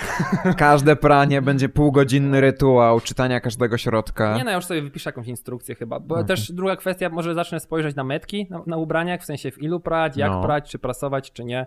No, no ja jestem leniwy, nie? Chociaż my, w, akurat dobra, my w mieszkaniu mamy taki deal, Mhm. że ja zmywam, współlokatorka robi pranie, a po prostu wrzucamy wszystko na raz, nie? Nie każdy robi sobie osobno pranie, no bo to też to sprzyja tym e, większym rachunkom, nie? No wiadomo. A współlokator gotuje. Zgadnij, kto nie wywinął się ze swojej obietnicy. Hmm, któż by to mógł być? No, zostawię to, żeby, nie, żeby nikogo tutaj nie oczerniać. I jeszcze, y, jeśli z, z, z. jeżeli dodamy za dużo detergentu, pak, Mhm. pak, pak, pak, Pak, to Fajne dźwięki. Zmontujemy Tak to kiedyś właśnie- i zrobimy jakąś składankę naszych dźwięków. Być może, Mhm. mm, to no, jeżeli y, jest za dużo detergentu, jest za dużo tej piany, to ona ostatecznie nie spowoduje, że ten brud na ubraniach zostanie usunięty. Jasne. Więc po prostu będziemy brud na ubraniach. Połączone z detergentem to sprzyja rozwojowi bakterii i może nam to podrasnić skórę. Dodatkowo, no oczywiście większe koszty, no bo zużywamy więcej szybciej, no to musimy kupić więcej. No i jeszcze większe zużycie detergentów, no to jest y, większa ich produkcja, no bo trzeba y, zrównać popyt do podaży. A No, no i w ten tak. sposób, no a też, y, Jezus, chwileczkę, ja się zamyśliłem. Jeżeli, w sensie opakowania nie są z tektury, tylko z plastiku. A, no, No, tak. i to też jest taki aspekt środowiskowy, nie? Że więcej produkujemy, no to więcej plastiku trzeba zużyć. Ja wiem, że to, to trochę taka pokrętna logika, no bo to i tak zostało wyprodukowane, nie? Ale z drugiej strony patrząc globalnie, jakbyśmy zużywali na przykład połowę mniej e, środków do prania, no to faktycznie ta produkcja Jest różnica na plastiku. Mhm. No i tego plastiku będzie, będzie faktycznie, faktycznie mniej. Okej, czyli wniosek, pierwszy wniosek dzisiejszy to taki, że czytajmy instrukcję i używajmy tyle płynu, ile producent każe. Tak, niestety... Chociaż y, z drugiej strony, Oho. skoro ten nasz płyn jest rozrzedz- rozrzedzony, to Mhm. może my musimy tak trochę więcej go dawać. Tak, no wtedy ta dawka jest odpowiednio, wiesz, odpowiednio... Ale gdy już mamy chemię z jest tak- Niemiec, to już, No to już, to już do instrukcji. uważać, no. Okej, Więc okej. oszczędzasz na proszku, ale tracisz na pralce, nie? To tak, tak, tak, tak można by powiedzieć chyba. Chociaż nie wiem w sumie tak dokładnie. To jest tak. No nie wiem, nie robię takich kalkulacji. No, Natomiast ciekawe, ciekawe. jeśli chodzi jeszcze o tę chemię z Niemiec, to trzeba uważać, bo nie każdy sklep z chemią z Niemiec może sprzedawać prawdziwą chemię z Niemiec. Okej, Ponieważ w jesienią roku 2016 okej. Centralne Biu- Biuro Antykorupcyjne U. zatrzymało grupę przestępczą, która U. wprowadziła 54 tiry Mhm, chemii, e, właśnie chemii kosmetycznej, chemii do prania i tak dalej, mhm. o wartości 2,3 miliona złotych. Okej. Czyli po prostu zrobili kogoś w bambuko na, na chemii z Niemiec, więc też trzeba się, trzeba się tego wystrzegać, żeby, no bo wiadomo, okazja czyni złodzieja, nie? Mhm. No i y, też chciałem, ja chciałem się trochę pobawić, takie, zrobić sobie takie investigation, Okej. ponieważ jak się okazało tak dziwnym przypadkiem, Mhm. e, wśród moich znajomych Mhm. jest osoba dystrybuująca chemię z Niemiec, tak to nazwijmy, Okej. więc poprosiłem ją o to, żeby zrobiła mi zdjęcie kilku etykiet, Mhm. żebym sobie mógł porównać składy Mhm. i, i popr- przede wszystkim co to jest za produkt. Okej. No i y, nie przemyślałem dwóch rzeczy. Pierwsza to to, że nie umiem niemieckiego. Natomiast druga kwestia jest taka, ok, dostałem tam parę zdjęć tych produktów, tylko że te produkty nie były jakieś tam super popularne na naszych rynkach. No ale Okej. dzisiaj rano byłem sobie gdzieś tam w sklepie, kupowałem sobie Byłeś chleb. tutaj na dole chemia z Niemiec? Nie, nie, tutaj nie. Mhm. To, to, to trochę dalsze. Tak, Mhm. ten. Ale z przyczyn oczywiście, oczywiście oczywistych nie będę podawał danych osobowych tej osoby. Jasne. Też ma imię na M. nie jest, ale nie jest to ta sama osoba, która, która dawała nam uwagi. Niemniej, no dostałem te zdjęcia. Dzisiaj rano byłem w jakimś tam troszkę większym markecie Mhm. i stwierdziłem, dobra, no to idę na dział chemiczny. Uuu. I jest, patrzę. Są środki, y, płynki do pranka Płynki do pranka. i szukam tam po zdjęciach jakichś produktów, czy coś się, ten, coś się, y, jakiś jeden z nich się No czy chociaż... jesteś w stanie znaleźć to na tak, półce? czy jestem w stanie znaleźć coś, co ma swój polski odpowiednik tamtych niemieckich. Mhm. Patrzę, o, jest jeden produkt, bajerancko, dobra, biorę go do rączki, Mhm. odwracam, mam robić zdjęcie, god damn, to jest ten sam niemiecki produkt. nie? A, czyli marka cię też było z Niemiec. Tak, tak. No Okej. i stwierdziłem w sumie z drugiej strony, dobra, już mi się nie chce tego robić więcej. Więc e, załóżmy, że te dane, nie no, to są raczej dobre dane, na zasadzie, że wiarygodne Mhm. i, i faktycznie widać, że są różnice, jeśli chodzi o te produkty. Mhm. I teraz przechodząc do twojego pytania. E, Co do, co do tego prawo? No właśnie. Czy można pozwać taką firmę, że y, dlaczego ten produkt jest taki Mm. sam jak za granicą, znaczy to jest ten sam produkt, a jest inny, bo jest gorszy? Dlaczego? Tak, Oddawać moje pieniądze złodzieje. można to zrobić. Nie no, może bez tego ostatniego. E, Otóż w kwietniu 2019 Mhm. Unia Europejska wprowadziła, ja tu mam napisane, pakiet przepisów chroniących konsumenta. Okej. W sensie Unia Europejska potępia praktyki związane z tym, Mhm. że produkt ma różne składy Mhm. y, na różne rynki. Że, Wiesz po- co, chyba coś mi się obiło się o uszy. różnią. Mhm. I teraz właśnie między innymi chciałem zrobić to badanie, y, w sensie, no badanie, tak nazwijmy to górnolotnie, po prostu porównać te etykiety tych produktów, żeby zobaczyć, czy to się czymśkolwiek różni. Mhm. Bo tamte wcześniejsze badania chyba były, no one były wcześniej, nie? Tam na przykład to badanie marketingowe było z 2016 roku. Okej. I tak chciałem zobaczyć, czy to Czy jest jakoś od tego stosowane, czasu coś się zmieniło? Ten... Tak. Mhm. Bo przede wszystkim to, co mówiłem, te różnice wynikają z, z różnych badań marketingowych. I akurat w przypadku, nie wiem, stosowania na przykład substancji zapachowej XY, która się spotyka w różnych produktach, Jasne, no to producent może może być to wytłumaczyć dlatego- w ten sposób, że no na danym rynku tak, w akurat Polsce wolą woli taki się zapach. różane płyny do pranka, a w Niemczech lubi się, nie wiem, betonowe płyny do pranka. Cytrynowe. cytrynowe. I ten. y, I, w, i jest, to, jest to pakiet przepisów, to nie jest ustawa.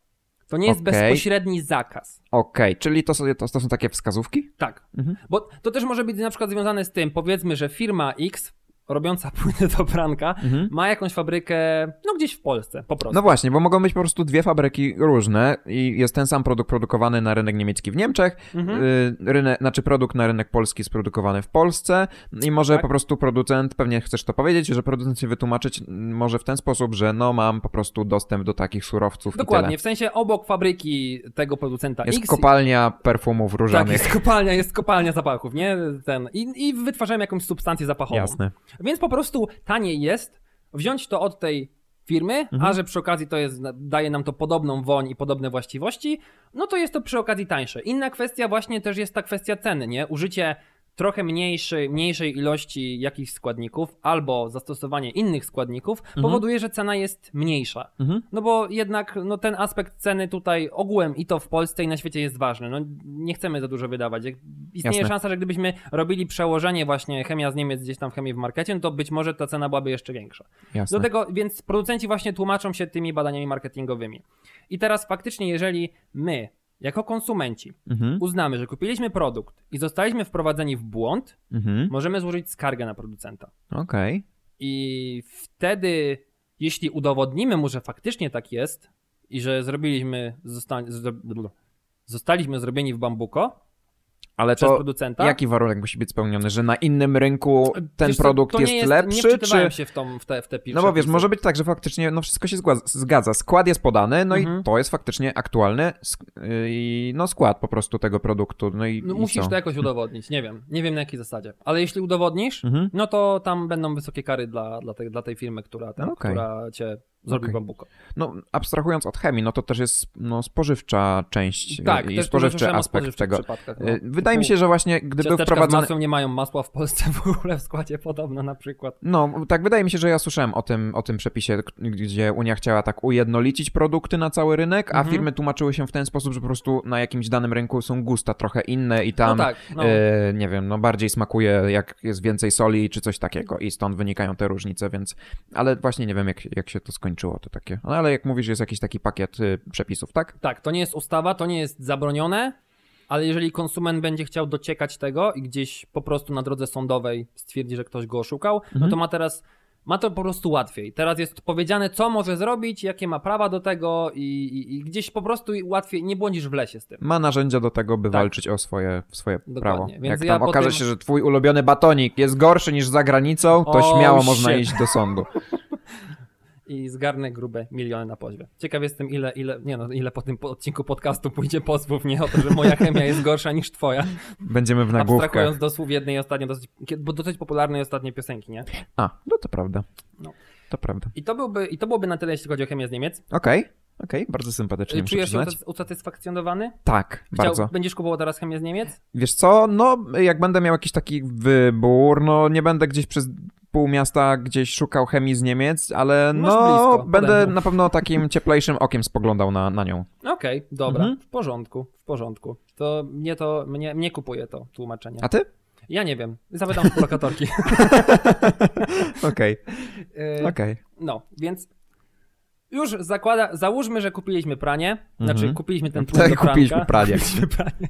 Kupiliśmy Y, nową pralkę, podekscytowaliśmy się tak bardzo. Nie mieliśmy własnego prania, kupiliśmy pranie, żeby tylko wypróbować pra- Ale jest pralkę. coś takiego, nie? Że firmy na przykład kupują śmieci z innych krajów. Typu Szwecja podobno ma tak dobry re- recycling, że kupuje śmieci od innych A, państw. no mm, tak, tylko to musi być dobry surowiec i chyba wydaje mi się, że od Polski nie, za, nie, niezbyt chętnie się kupuje surowce. Takie No to Okej, to nie wiem. Znaczy to też to mówię na zasadzie ciekawostkowym, nie sprawdzałem tego, więc być może... Wiem, że mamy tragiczną tekturę, bo O, ciekawe, okej. jak się recy recyklinguje tekturę, to ona musi spełniać wiele warunków. Na przykład karton od pizzy się nie nadaje, bo jest tłusty. O, A nie. tłusty papier y, totalnie psuje całą partię. Bardzo łatwo po, popsuć po prostu partię Mhm. i no tak trochę jest, że aktualnie recykling papieru albo korzystanie z, recyklingo- recyklingowanego surowca Mhm. jest nieopłacalne, no bo można Okej. taniej kupić świeży, nierecyklingowany surowiec Ładnie. przy produkcji czegoś tam, Bajer. papieru. Dobra. Czyli No. zbiera, czyli muszę I trochę jest tak, że gdzie pudełek niegdzie po prostu są hałdy y, jakichś tam właśnie materiałów, takich surowców, bo nikt tego nie chce kupić.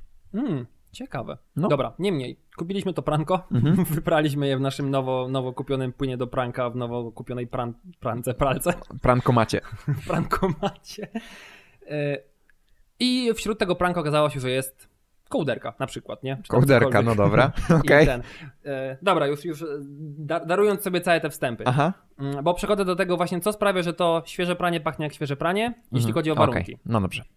Ponieważ jest, jest badanie, Mhm. które ono tak, wydaje mi się, ten, to świeże pranie było takim trochę pretekstem i takim trochę he- he- heheszkowaniem gdzieś, Okej. bo generalnie całą ideą tego badania, Badania? jest to, Mhm. żeby y, zobaczyć analizę pochodzenie y, zapachu tego prania, skąd to się bierze, ale to też ma trochę odpowiedzieć na pytanie y, na temat co się dzieje, jakie są procesy na powierzchniach, Mhm. które są wystawione do wyschnięcia w różnych warunkach. Okej, rozumiem. I no, i, i w ten sposób Mhm. Mm, bo to w ogóle było zaangażowanych w to kilka uniwersytetów, bo tam były uniwersytety z Danii, z Niemiec, Poważne badania na temat z pranka. Holandii, oczywiście, jak najbardziej. Mhm. I przebiegało ono tak, że wzięto kilka ręczników, 100% bawełnianych. Okej. E, Jedne były powiedzmy w 100% naturalne, w sensie białe, niebarwione, nie Okej, traktowane okej, w ogóle okej. chemicznie wcześniej. Natomiast drugie były mm, barwione. Jakieś, no, miały jakieś tam kolory, po prostu. Je wyprano w ultraczystej wodzie. No bo Okej. wiadomo, że zapach prania też wynika po części po prostu z tego, że z tych wszystkich substancji No jakiej jakości też była woda użyta do prania. Dokładnie. Więc użyli ultraczystej wody, żeby po prostu zminimalizować pojawienie się tam jakichkolwiek substancji, które mogłyby zaburzyć No jasne. y, zaburzyć badanie. Później, jak już przemyto trzy razy te ręczniki, to wystawiono je na różne miejsca do suszenia. Jedno, jeden z nich był właśnie balkon Wydziału Chemii w Kopenhadze. I on był tam na słoneczku, na linkach sobie e, wystawiony. No. Drugi był też na zewnątrz, Mhm. ale on był tak przysłonięty, żeby nie padało na niego w ogóle słońce. A, czyli w cieniu całkowicie. Tak, czyli całkowite w cieniu, Mhm. ale żeby był przepływ powietrza, Okej. czyli żeby wyeliminować jeden czynnik, Czyli pierwsza próba to jest i słońce, i wiatr, tak, czy powietrze po prostu powietrze, przepływające. Mhm. powietrze. W drugim jest powietrze i tylko powietrze, bez słońca. Jasne.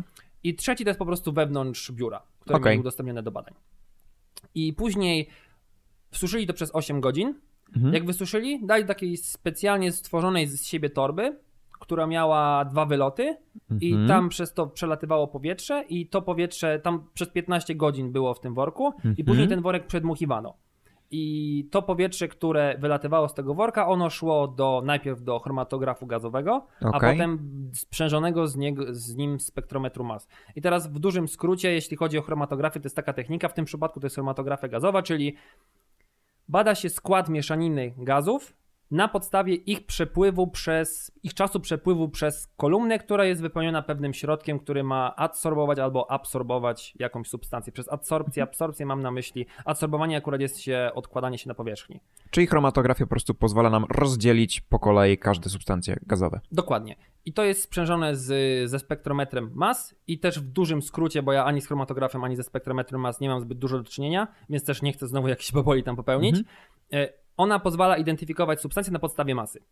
Mamy jakąś substancję, nadajemy jej ładunek i na to są różne techniki i później patrzymy, yy, mamy sobie wykres, tam zależność oczywiście intensywności, czyli jak dużo substancji X zostało wykryte Mhm. i ona jest podpisana przez na kolumnie, znaczy na tym, na osi X jest stosunek masa do ładunku. Czyli chromatografia pozwala nam rozdzielić substancje, I a spektroskopia e, też, też, ale spektrometria. Spe, tak, przepraszam, spektrometria e, pozwala nam zidentyfikować. Oba pozwalają zidentyfikować, rozdzielić, znaczy nie. Chromatografia gazowa rozdziela, Mhm. a spektroskopia, spektrometria mas bardziej identyfikuje na zasadzie y, substancji. No tak. Y, Bo, bo y, chromatografia też pozwala ci wykryć, bo jakby każda substancja ma swój, Ma ten, swój tak- ma charakterystyczny, swój tak, ale nie jest to przepływu. takie mm, bardzo referencyjne. Mm, a może tu jest? aż tak nie wiem. Okej, no w dobra. sensie wiesz, dwa badania Ale to są dają ci takie- dokładniejsze wyniki. Tak jest. Jedna zresztą metoda wspomaga drugą. Tak, dokładnie. I to jak wysłyszeli, zebrano te wszystkie y, wyniki, no to później zanalizowano, podpisano pod dane substancje, no a później zaczęto kombinować, jaki może być mechanizm. Mhm. I teraz hipotezą tego badania jest to, że wszystkie procesy, które zachodzą, Mhm. zachodzą na powierzchni tych materiałów. Czyli zaraz na tej takiej najbardziej zewnętrznej warstwie, która ma kontakt z powietrzem i ze słoneczkiem. Mhm. I założenie, że to wytworzenie zapachu jest właśnie determinowane obecnością tych promieni słonecznych i przede wszystkim chemicznego otaczającego powietrza. Okej. I teraz badają wpływ czynnika jednego z drugim. Czy to słońce faktycznie bardzo pomaga, czy nie. I w ten sposób, jeśli chodzi o. Jest tutaj taki bardzo ładny wykres właśnie tego chromatografu. Jest, jest kilka tych takich e, e, wykresów z tymi substancjami, nie? Pod, po, dopasowanymi na podstawie tego czasu przelotu przez kolumnę. Mhm. I to jest dla próbek, które były na zewnątrz. W sensie jakby. Mm, poczekaj.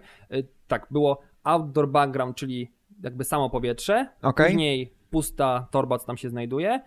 Później był jeszcze ręcznik suchy, taki w sensie. Taki nieprany. Tak, taki nieprany. Mhm. I na samym końcu ręcznik prany w natura- naturalnym słońcu. Okej. I teraz jest tak, że jeśli chodzi o ten skład, no to w próbkach samego powietrza były lotne związki organiczne o krótkich łańcuchach Mm, Tam, tam, gdy... 5-9 węgli. A, y, ale to jakie powietrze było? To... Samo po prostu takie normalne powietrze, Okej, najnormalniejsze, okej. otaczające. Mhm. A w pustej torbie jeszcze było dodatkowe zwiększenie butanolu i fenolu. Okej. Co dana substancja, jeśli chodzi o jakiś zapach, też powiem, Mhm. bo mam to wymienione. Natomiast później, jak już zrobili tą taką analizę, jeśli chodzi o sam ręcznik Mhm. i ręcznik później suszony na słońcu, Mhm. to mamy dwa rodzaje związków. Pierwsze są takie, które pojawiły się po prostu od nowa, Mhm. natomiast drugie były takie, które były już obecne przed badaniem, Ale były potem albo po praniu były intensywniej. ale po praniu były zdecydowanie bardziej intensywne. I to, tak klasyfikując Okej. je, to są różnego rodzaju aldehydy i ketony, Mhm. i to są substancje stosowane w przemyśle kosmetycznym, między innymi, Mhm. Mm, I to są też utlenione związki, związki węgla, właśnie. I wśród tych związków, między innymi na przykład jest, może być y, metylopropanal, który Okej. odpowiada za zapach owoców albo pieczeni. Hmm. Może być met- metakroleina, która odpowiada za kwiaty, metylofurany, czekolada, Mhm. metylopropanole są wina, odpowiadają za zapach wina, heptanal jest herbaciany. E, No, jeżeli w powietrzu gdzieś jest oktanal, no to mamy po prostu zapach benzyny na ręczniku. E, Z ciekawszych jeszcze na przykład mamy heksenal, który jest odpowiedzialny za zapach orzechowy i nonanal, który jest odpowiedzialny za zapach różany. I też jednym z, z aspektów badania też, jak już mówimy o zapachu, jest to, czy ręcznik miał jakiś zapach, Mhm. czymś pachniał. Tak na dzień dobry. Tak. I teraz suszony na zewnątrz właśnie miał zapach czystego prania. Okej. Natomiast y, suszony w pomieszczeniu zapach był zdecydowanie mniej intensywny, albo w ogóle nie było go wcale.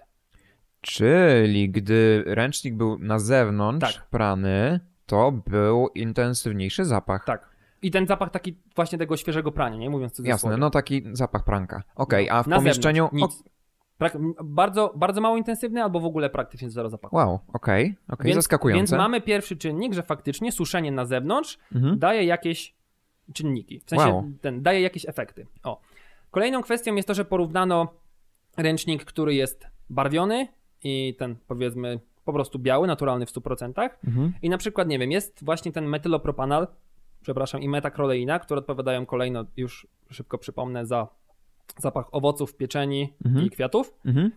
I na przykład w tym przypadku ten naturalny ręcznik miał o wiele większe stężenie niż ręczniki kolorowane. Ten barwione. naturalny, okej. Tak. Może te substancje, które barwią ręcznik, one absorbowały Mo- bardziej te tak substancje. Takie i nie jest- pozwalały im się ulatniać. Tak, do mechanizmów jeszcze przejdę. Okej, Natomiast super. w przypadku na przykład heksanalu albo nonanalu, czyli zapach kolejno orzechów i róży, naturalne ręczniki miały, miały wykrywane, bo na przykład w poprzednim przypadku tamte substancje, barwione ręczniki w ogóle nie miały żadnych tych, Mhm. żadnych tych z wymienionych substancji. Natomiast ręczniki w tym przypadku tych orzechowego i zapachu różanego, naturalne ręczniki miały dosyć dużo tego Mhm. zapachu, on jest widocznie, on jest wyraźnie widoczny na wykresie, Mhm. ale znowu z kolei te kolorowane ręczniki miały go jeszcze więcej. Aha, okej. I teraz na przykład jedną z takich mechanizmów, takich wyjaśnień mogących temu odpowiadać jest to, że po prostu, no bo jeżeli ręcznik, bo biały jest kolorem, który najbardziej odbija światło. Tak. Więc jeżeli mamy ręcznik o jakimkolwiek kolorze, no to on tego światła będzie wchłaniał trochę więcej. Tak jest. I to może się przełożyć na to, że po prostu ręcznik będzie szybciej schnął i jakaś tam substancja, która jest na powierzchni tego ręcznika po prostu ulotni się razem z wodą. Mm. Zostanie po prostu, Mhm. mówiąc w cudzysłowie, zabrana przez parującą wodę. Mhm. Ewentualnie to może być kwestia samego koloru, bo też jeżeli się trochę bardziej poanalizuje te wykresy, no Mhm. to wyjdzie to, że ręczniki, które jeszcze przed suszeniem, czyli po prostu wkładamy sobie suchy ręcznik do torby i analizujemy to, Mhm. okazało się, że też mia- miały już po prostu tak, jakąś tam substancję X. Okej, Tylko, że po prostu po praniu on było jej więcej. Okej. Więc to też może być właśnie tak jak mówiłeś, to może być kwestia samego, nie wiem, Samego barwnika, samego czy... barwnika, tak. Mhm.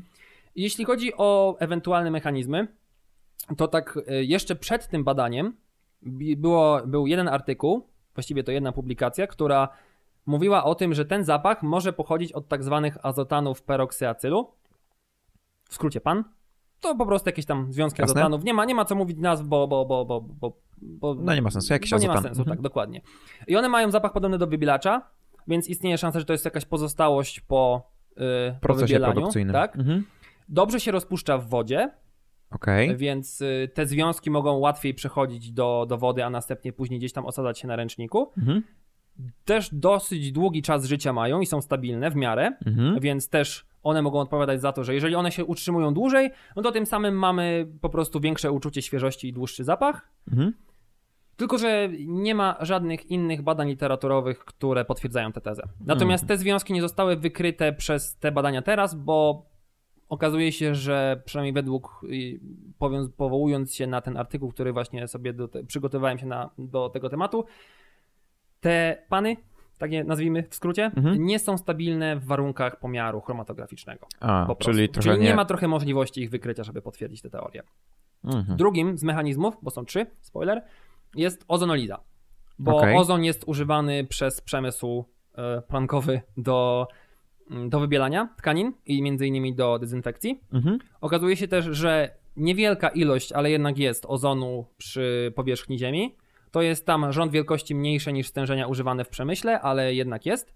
I ozon ma to do siebie, że on ma odwrotnie proporcjonalną zależność do osadzania się na ubraniach. W sensie im jest mniej ozonu, tym on się lepiej, Lepiej osadza, na, osada, tak, okej. lepiej się osadza na tych, no, wokół tamtych tkanin w wodzie, natomiast też y, roś, rośnie to, jeśli mamy wymianę powietrza. No bo jak przepływa szybciej powietrza, no to też jest trochę więcej ozonu, więc automatycznie więcej się go może osadzić. Mhm. I trzecia rzecz Mhm. to jest to, to są procesy fotochemiczne. Czyli już typowo wystawiamy ręcznik na słońce, oświetlają go promienie słoneczne i promienie słoneczne mają część promieniowania UV, czyli wysokoenergetycznego. I to jest promieniowanie, które ma taką energię, albo No. inaczej, wystarczającą energię do tego, żeby między innymi wybić elektron y, z zewnętrznej z powłoki substancji. Czyli mówiąc w skrócie, tworzy nam się rodnik, a rodniki znane są z tego, że po prostu przez ten brak elektrony one go muszą uzupełnić, no i w ten sposób reagują po prostu z innymi cząsteczkami. Czyli jeszcze bardziej w skrócie, to promieniowanie ultrafioletowe może powodować już reakcję. Może być takim zapalnikiem do, do, do reakcji. Dokładnie. Mhm. I, I przez to właśnie tworzą się te różne substancje na zasadzie utleniania się Tak. związków po prostu. Okej. Te, te po Czyli prostu taka może- łańcuchy, te, te łańcuchy węglowodorowe, one gdzieś tam, na przykład rodnik zacznie, nie wiem, gdzieś coś reagować z jakąś grupą OH albo coś w ten deseń i, i później to znowu zacznie z inną cząsteczką reagować i w ten sposób tworzy się jakaś utleniona, utleniony aldehyd albo, albo keton w tym przypadku. I nie ma pewności co do tego, który proces może dominować. To znaczy, wydaje mi się, że proces fotolizy będzie dominował, jeśli wystawiamy to oczywiście na Na słońce. słońce, ale no, badamy, ale w tym momencie skupiamy się tylko na słońcu, więc to jest. y, Więc to jest właśnie na zasadzie tego pojedynku. Czy to ozonoliza, czy procesy fotochemiczne dominują. Mhm. No bo teraz, jeśli chodzi o ozonolizę, to jej produktami są aldehydy i ketony.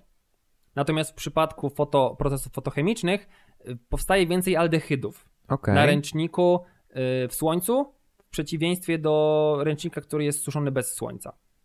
Okej. Ale z racji tego, że tego ozonu też jest trochę, no to mm, mówi się o tym, że po prostu oba mechanizmy grają swoją rolę. Jasne. Ale nie jest tak, że nie mogą stwierdzić, że jeden dominuje nad drugim. Po prostu w obu się tworzą aldehydy, tylko w fotochemicznym tworzy się go więcej. Ale z Mhm. racji tego, że z analizy wyszło, że są też obecne ketony, które są produktem ozonolizy, no to też nie można wykluczyć tego, że tej ozo- ozonolizy nie ma.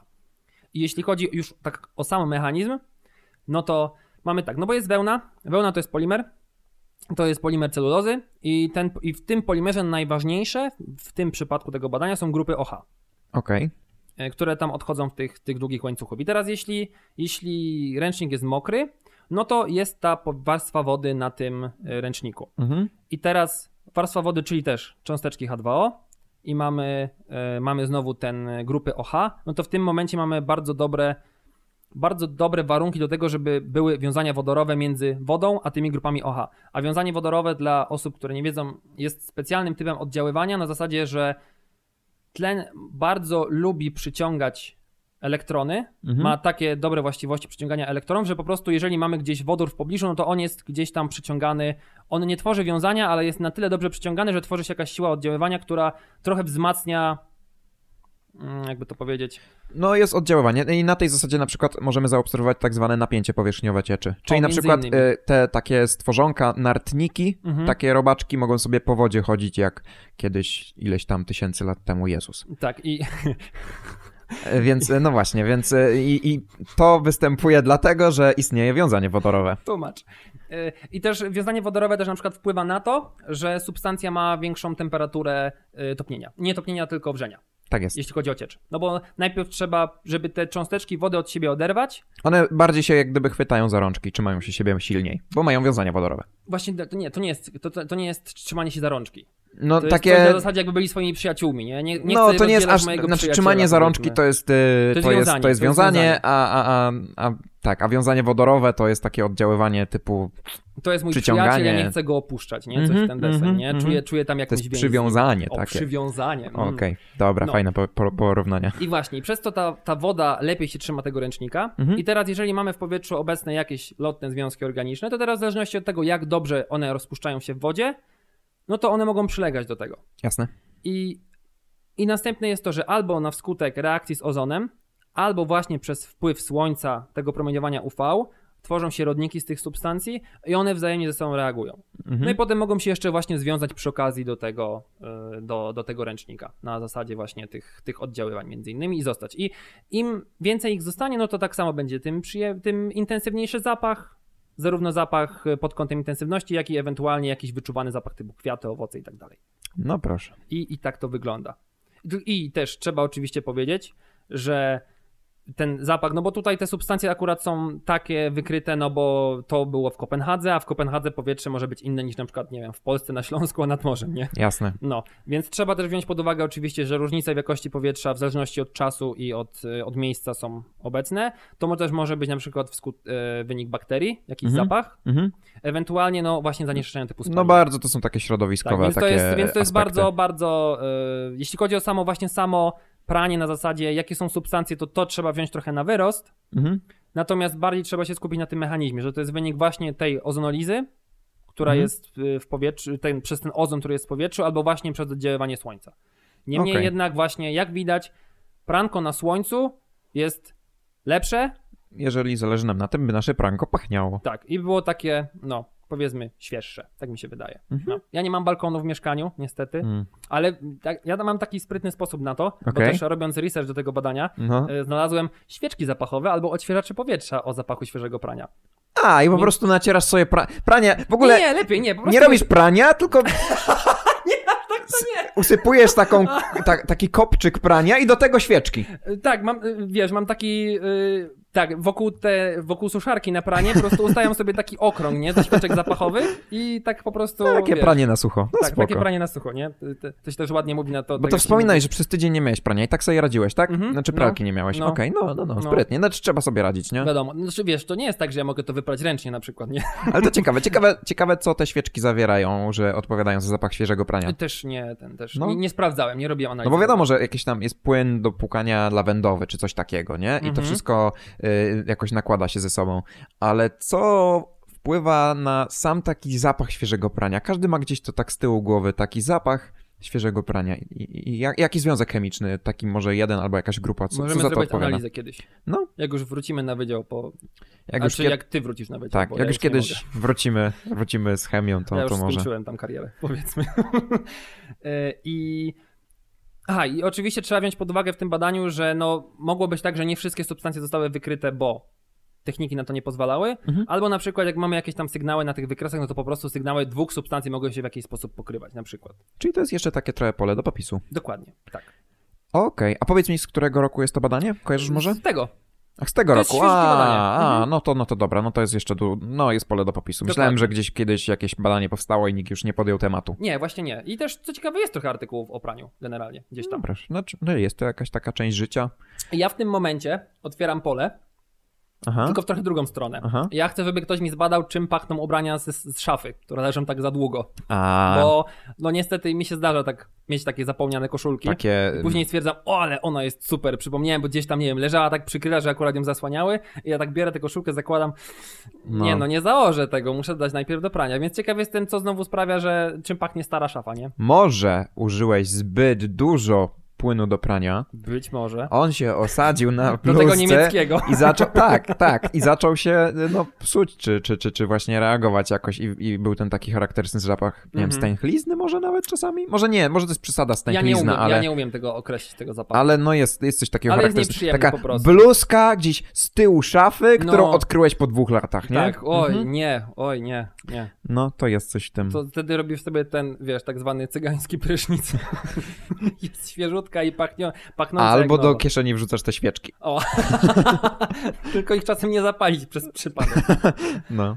No dobra. I to byłoby na tyle ode mnie. A, no fajnie. Y, ślicznie ci dziękujemy w imieniu moim i słuchaczy. E, Proszę bardzo. To powiedz mi, Patryk, jeszcze jedną rzecz, Mhm. bo tak nawiązując już do twojego tematu, tak, Okej. zrobię sobie takie płynne przejście. Dobra. Y, Bo mówiłeś o tych czynnościach, które sprawiają, że coś, że ktoś mnie może okraść. No właśnie, opowiedziałem taką historyjkę, że y, no opuszczasz swoje mieszkanie, wychodzisz. na, Takie... ile, s- prawd- na ile pralka zwiększa takie prawdopodobieństwo? W sensie wstawiam, wstawiam pranie. Aha, y, nie, to, to nie ma akurat wpływu na, na, na naszą historię. Dobra. E, no dobra, czyli właśnie y, poszedłeś do znajomego po prostu, Mhm. opuściłeś swoje mieszkanie, poszedłeś do znajomego Tak. i wrzuciłeś fotkę na Instagrama, gdzie niestety, ale znalazło się zdjęcie y, twojego klucza. I to jest właśnie Zdjęcie klucza. zdjęcie klucza. To jest właśnie O nie, o, no, no dobra. No, to jest właśnie pierwszy, pierwsza metoda, że tak powiem, na włam. Bo Mhm. będę opowiadał o kreatywnych metodach na włamanie się do czyjegoś mieszkania. Jednocześnie nie odpowiadamy za E, wszelkiego rodzaju włamania po tym odcinku. Tak, przy czym jak gdyby y, ja to traktuję jako takie uświadamianie, by wiedzieć, Chociaż co, okej, jak się przed dobra. tym bronić, Mhm, nie? dobra, bo racja, bo racja. jakiś taki potencjalny złodziej zna tę metodę, No w sumie racja. a jeżeli my ją znamy, no to możemy się przed nią bronić. Okej, dobra. No Ma dobrze. Y, no więc tak, y, klasyczna kradzież klucza, no bo powiedziałem, jak, jak ten ktoś mógł się włamać? No klasyczna kradzież klucza, powiedzmy, że to taka mało, dosyć mało wyrafinowana technika i o tym nie będę opowiadał. Złodziej nob. No po prostu to... Level y, jeden. Ale jednak o kradzieży będzie mowa. Okej. No bo co mogło się wydarzyć? Wydarzyła się tak zwana teleduplikacja i o niej będę mówił. To jest moja e, pierwsza jak gdyby metoda na kreatywny włam. E, zanim o niej, to odrobinę tylko o tym, jak działa większość zamków. Mhm. Większość zamków e, to są zamki bębenkowe. Mhm. Tak się nazywa mechanizm, który odpowiada za, za ten zamek. To jest zamek bębenkowy, on ma już ponad 150 lat, powstał gdzieś w połowie XIX wieku i od tamtego czasu tak naprawdę mm, zasada się nie zmieniła, może jakieś drobne usprawnienia, wiadomo, ale tak naprawdę jest to ciągle od 150 lat ten sam zamek. A mechanizm działania mniej więcej jakoś ten? Tak właśnie chcę opowiedzieć. Okej, dobrze, bo tak, tak kręcisz, kręcisz, zastanawiałem się właśnie. Nie, nie, no właśnie, y, y, on jest, to jest właśnie najpopularniejszy zamek i on posiada w sobie tak zwane bolce. Bolce to są e, takie mm, no właśnie bolce, gdy wkładamy zamek, gdy wkładamy do, do zamka klucz, Mhm, to te bolce są ruchome. One są na sprężynkach mhm. i każdy bolec ma na pewnej wysokości nacięcie. No tak. W zamku zazwyczaj mamy 6 bolców. I e, nasz zamek mm, działa na tej zasadzie, że gdy wkładamy klucz, to odpowiednia wysokość ząbka na kluczu, no bo jak wyobrażamy sobie klucz, on ma takie ząbkowane, Tak, tak, tak. takie nacięcia, takie ząbki, to one podnoszą te bolce i gdy bolce zostaną ustawione na takiej samej wysokości, to znaczy te nacięcia na bolcach zostaną ustawio- ustawione na mm, tych samych e, wysokościach w jednej linii, to wtedy możemy Przekręcić klucz. przekręcić klucz, przekręcić zamek. Czyli klucz jest nacięty w taki sposób, by po włożeniu go do zamka ustawił bolce w równej linii, znaczy te nacięcia na bolcach w Mhm. równej linii. Czyli... A mogę się jeszcze Mhm. wtrącić na szybko? Jasne? Bo klucze oczywiście są różne, one Mhm. mają różną wysokość tych swoich nacięć, Mhm. ale czy ty wiesz, bo, bo zakładam, no bo to jest pewnego rodzaju kombinatoryka, nie? Taki, Mhm. to, może po, powiedzmy rachunek prawdopodobieństwa, ale tak bardzo, bardzo grubymi nićmi szyty. Ile jest kombinacji klucza? Właśnie, czy jest, czy jest możliwość, Aha. że na przykład mój klucz otworzy komuś mieszkanie, tak komuś, wiesz, Okej, losowemu. i teraz tak, nacięcia na tym bolcu, Mhm. one są różne od 1 do 10. To znaczy nacięcie może być na wysokości 1, na wysokości 2, na wysokości 3 i to jest mniej więcej między tymi wysokościami różnica 0,4 mm. Okej, Chyba niecałe. Yy, czyli yy, każdy po, kolejny bolec, jest ich 6, ma różną wysokość. Czyli pozycja numer 1, czyli ten bolec numer 1, on może być na przykład nacięty w taki sposób, że jego nacięcie jest na wysokości 6. okej. I, I mamy po prostu taki kod do zamka. 6, pierwszy bolec to jest 6, drugi bolec to jest 5 i tak dalej. Jasne? Mhm. E, więc tak działa po prostu, cia- tak działa zamek. Ten bębenkowy. E, To ile jest kombinacji? Okej, kombinacji mamy, czyli mamy zazwyczaj albo od 1 do 8 wysokości różnych bo, e, tych nacięć, Mhm. albo od 1 do 10. Okej. Zakładając, że mamy od 1 do 10, zamek ma e, 6 bolców, Mhm. czyli 10 do potęgi szóstej, milion. Milion zamków. Milion różnych kombinacji. e, Okej. No to nie kombinacji. brzmi bardzo dużo. Czy ja wiem, czy nie dużo? No, No, milion, to milion jednak mieszkań. milion. No milion mieszkań, no i w tych milionie, milionie mieszkań może się zdarzyć, że ktoś ma taki sam jeden raz zamek. No dobra, oczywiście znalezienie tego kogoś, kto ma ten sam, ten sam... Mhm. Przy czym, e, no warto powiedzieć, że jest e, ileś tam kombinacji, ale no są różne typy zamków, w sensie e, zamek, od, znaczy klucz od jednej firmy może nie pasować do zamka od innej firmy. Okej, Jasne? dobra. Czyli milion jak gdyby w danym typie zamka, na, od jakiejś firmy konkretnej. Okej. E, bo na przykład może być różnica, jak odległość jest między bolcami. Mhm, dobra. I tym się mogą różnić zamki od różnych producentów. No i prawie tak samo jak, e, tak samo stare jak zamek jest włamywanie się do, do, do mieszkań e, właśnie przez, przez, przez ten e, zamek. Mamy dwie takie mm, metody. Jest tak zwany lockpicking i bumping i o tym nie będę opowiadał. Znaczy opowiem czym one są. To są takie klasyczne metody, że tak powiem, na sforsowanie zamka, na, na, na, na włamanie się. Czyli ten, wsówka, tak? I... Tak, takie klasyczne to MacGyver wyciąga wsówkę i to działa na tej zasadzie, lockpicking to się nazywa, Mhm. to działa na tej zasadzie, że mamy, przykładamy napięcie do zamka, czyli tak jak gdybyśmy próbowali go okręcić, przy czym no do, do, e, dopóki nie ustawimy tych bolców na, w tej jednej równej linii konkretnej, no to zamek się nie przekręci. Ale my przykładamy napięcie i po kolei każdy kolejny bolec nad, nadduszamy. I okazuje się, że gdy nadusimy bolec i przyłożymy napięcie i gdy on będzie właśnie na wysokości tej linii, Mhm. to on tam zostanie. O, Bo to okej. przyłożone napięcie, czyli za, zawsze, gdy widać to na filmach, ta osoba ma dwa przyrządy w dłoniach. No tak, tak, tak, tak. Jednym przykłada napięcie, a drugim nadusza te bolce po, po kolei. Ale napięcie w sensie takie elektryczne? Nie, nie, nie, tak siłą. Przy, A, okej, przykłada, dobra. przykłada siłę. Tak, jak, Okej, tak gdyby cały czas próbował przekręcić ten zamek, przy czym Mhm. na początku się nie da, dopóki te bolce nie są ustawione Jasne, w, odpowiednim, w odpowiednim, odpowiednim miejscu.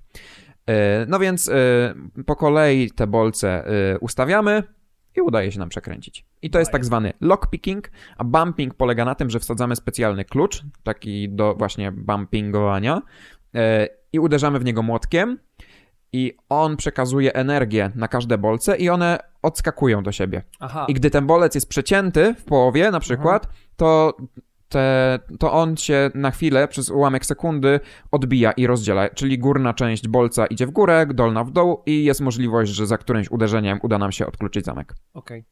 To ja Czy mam od- jeszcze jedną otworzyć metodę. zamek. Nazywa się bombing. Używasz Bombik. bomby. Używasz bomby. No okej. Najbardziej efektowne dla mnie. I to są takie y, klasyczne, że tak powiem, metody, ale one mają swoje wady, dlatego że y, pierwsza metoda to była kradzież klucza. No No gorzej i jak masz sąsiadów, nie? wadą, wadą y, jest to, że po prostu musisz no, mieć dostęp do tego klucza, podejść do ofiary, że tak powiem. No i to jest takie, powiedzmy, frajerstwo. To jest mało wyrafinowane. Potem stopień wyżej wyrafinowania, no to to jest ten lockpicking i bum- bumping, tylko po pierwsze, y, zwracasz wtedy na siebie uwagę. No właśnie. Widać od razu, że ktoś kombinuje no. przy Co tym. pan robi? E, Nic. Jeżeli e, stosujesz bumping, no to to jest hałaśliwa metoda. Mhm. Dodatkowo zostawiasz ślady na zamku. Okej. A ja będę opowiadał o bardziej wyrafinowanych metodach, które nie wymagają podejścia do ofiary. Po pierwsze, po drugie, nie pozostawiają żadnych śladów po sobie. Zbrodnia idealna. Dokładnie. E, no więc przydałoby się mieć klucz, no ale kradzież to jest frajerstwo. Jak sobie z tym poradzić? E, W trosce o swój honor.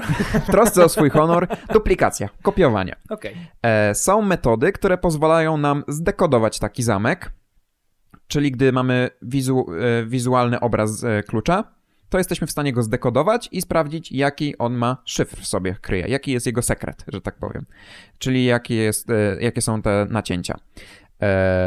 No i możemy wtedy skopiować ten klucz. Tylko jak to zrobić, gdy go nie posiadamy? No bo możemy iść do takiego pana ślusarza, który, no, poprosimy go, żeby zrobił kopię, no to on bierze oryginał, no i jest w stanie stwierdzić, aha, ma nawet taki przyrząd, który sprawdza po kolei każde kolejne nacięcie, jakie jest, jaka jest wysokość tego nacięcia, czyli ten, w ten sposób sobie je deszyfruje, no i jest w stanie skopiować ten klucz, naciąć kopię. Ale też w ogóle tak czasami mnie nachodzą takie przemyślenia, że w sumie jakim ślusarz musi być obdarzonym zaufaniem społecznym, nie? Żeby cię nie okraść ani nic. No, Bo tylko no wiesz, jak przychodzisz- do większości tych kluczy, wiesz. Tak. Na zasadzie jest tak, że słyszałem kilka historii, komuś się, nie wiem, zatrzasły, zatrzasnęły klucze w samochodzie, Mhm. dzwoni po ślusarza, ślusarz przyjeżdża, 5-10 sekund, auto jest otwarte, nie? No więc albo zastosował lockpicking prawdopodobnie, albo bumping. Okej, okej. E, najprawdopodobniej.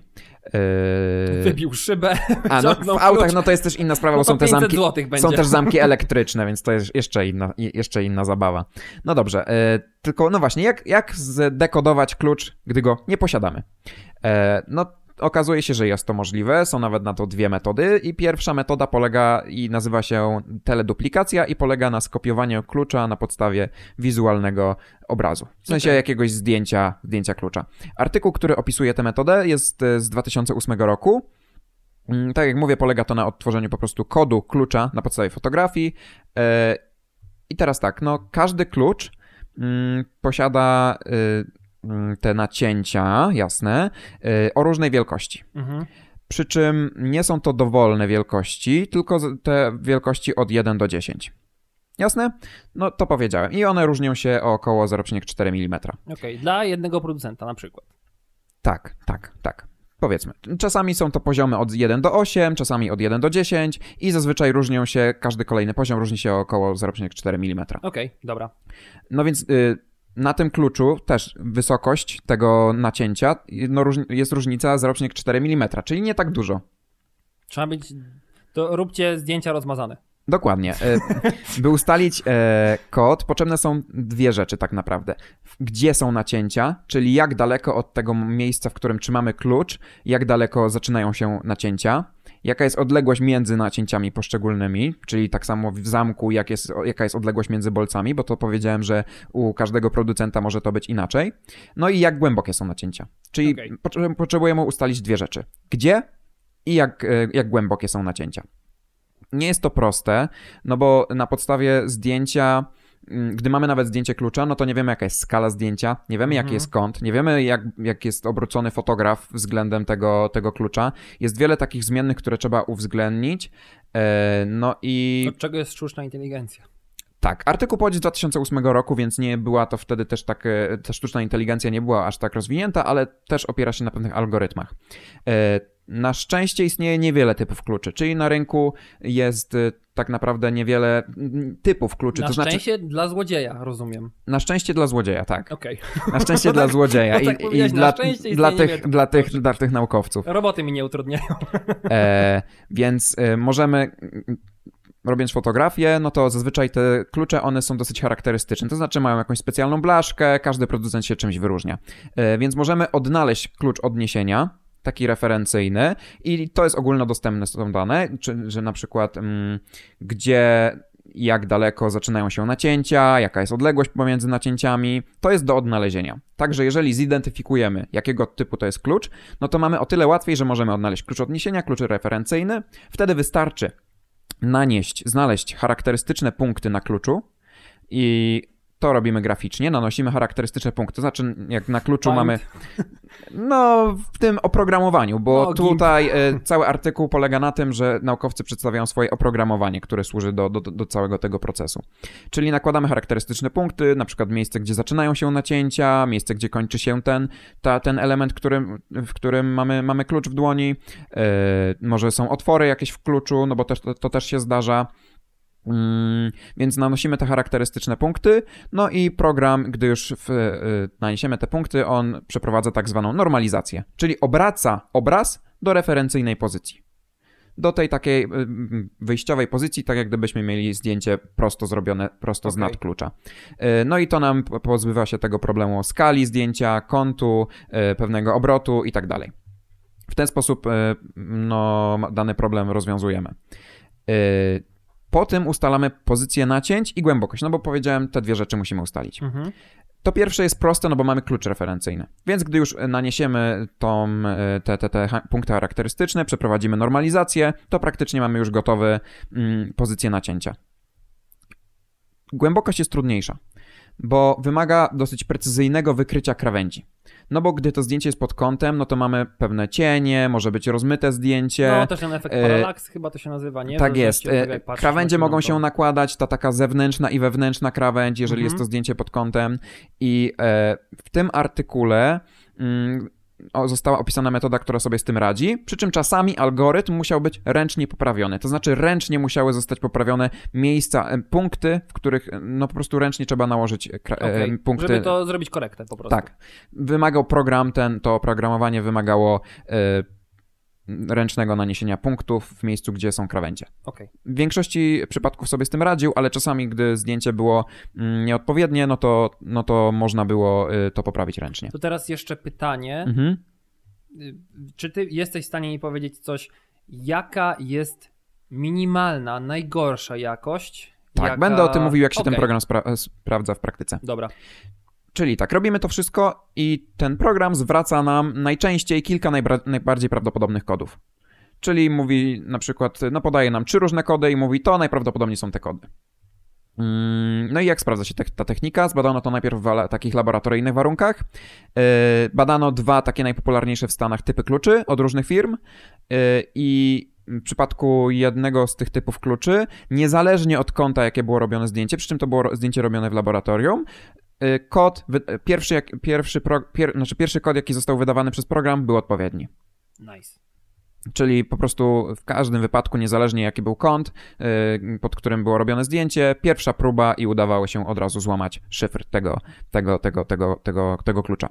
W przypadku drugiej mm, firmy, drugiego producenta kluczy, potrzeba było około czterech prób, czterech różnych typów kluczy, typu, typów y, kodów, czyli czterech różnych kodów tak naprawdę, po to, by otworzyć drzwi.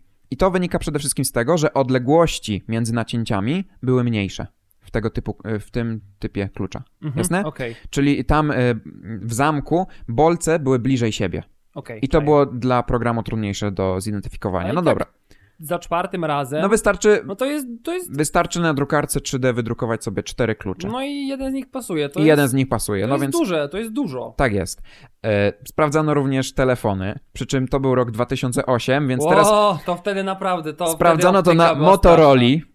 O, Ale co ciekawe, mimo że to była jakaś Motorola z 2008 roku, to otrzymano takie same wyniki e, jak w tych laboratoryjnych warunkach. Jezus, to dzisiaj to dzisiaj to będzie przerąbane. Czyli dzisiaj to już w ogóle na pewno nawet nie będzie potrzeba czterech prób, tylko zdjęcie będzie dużo wyraźniejsze. No dobra, ale to były zdjęcia z bliskiej odległości. W praktyce wymagałoby to po prostu podejścia do klucza, więc no musiałbyś się zbliżyć do ofiary.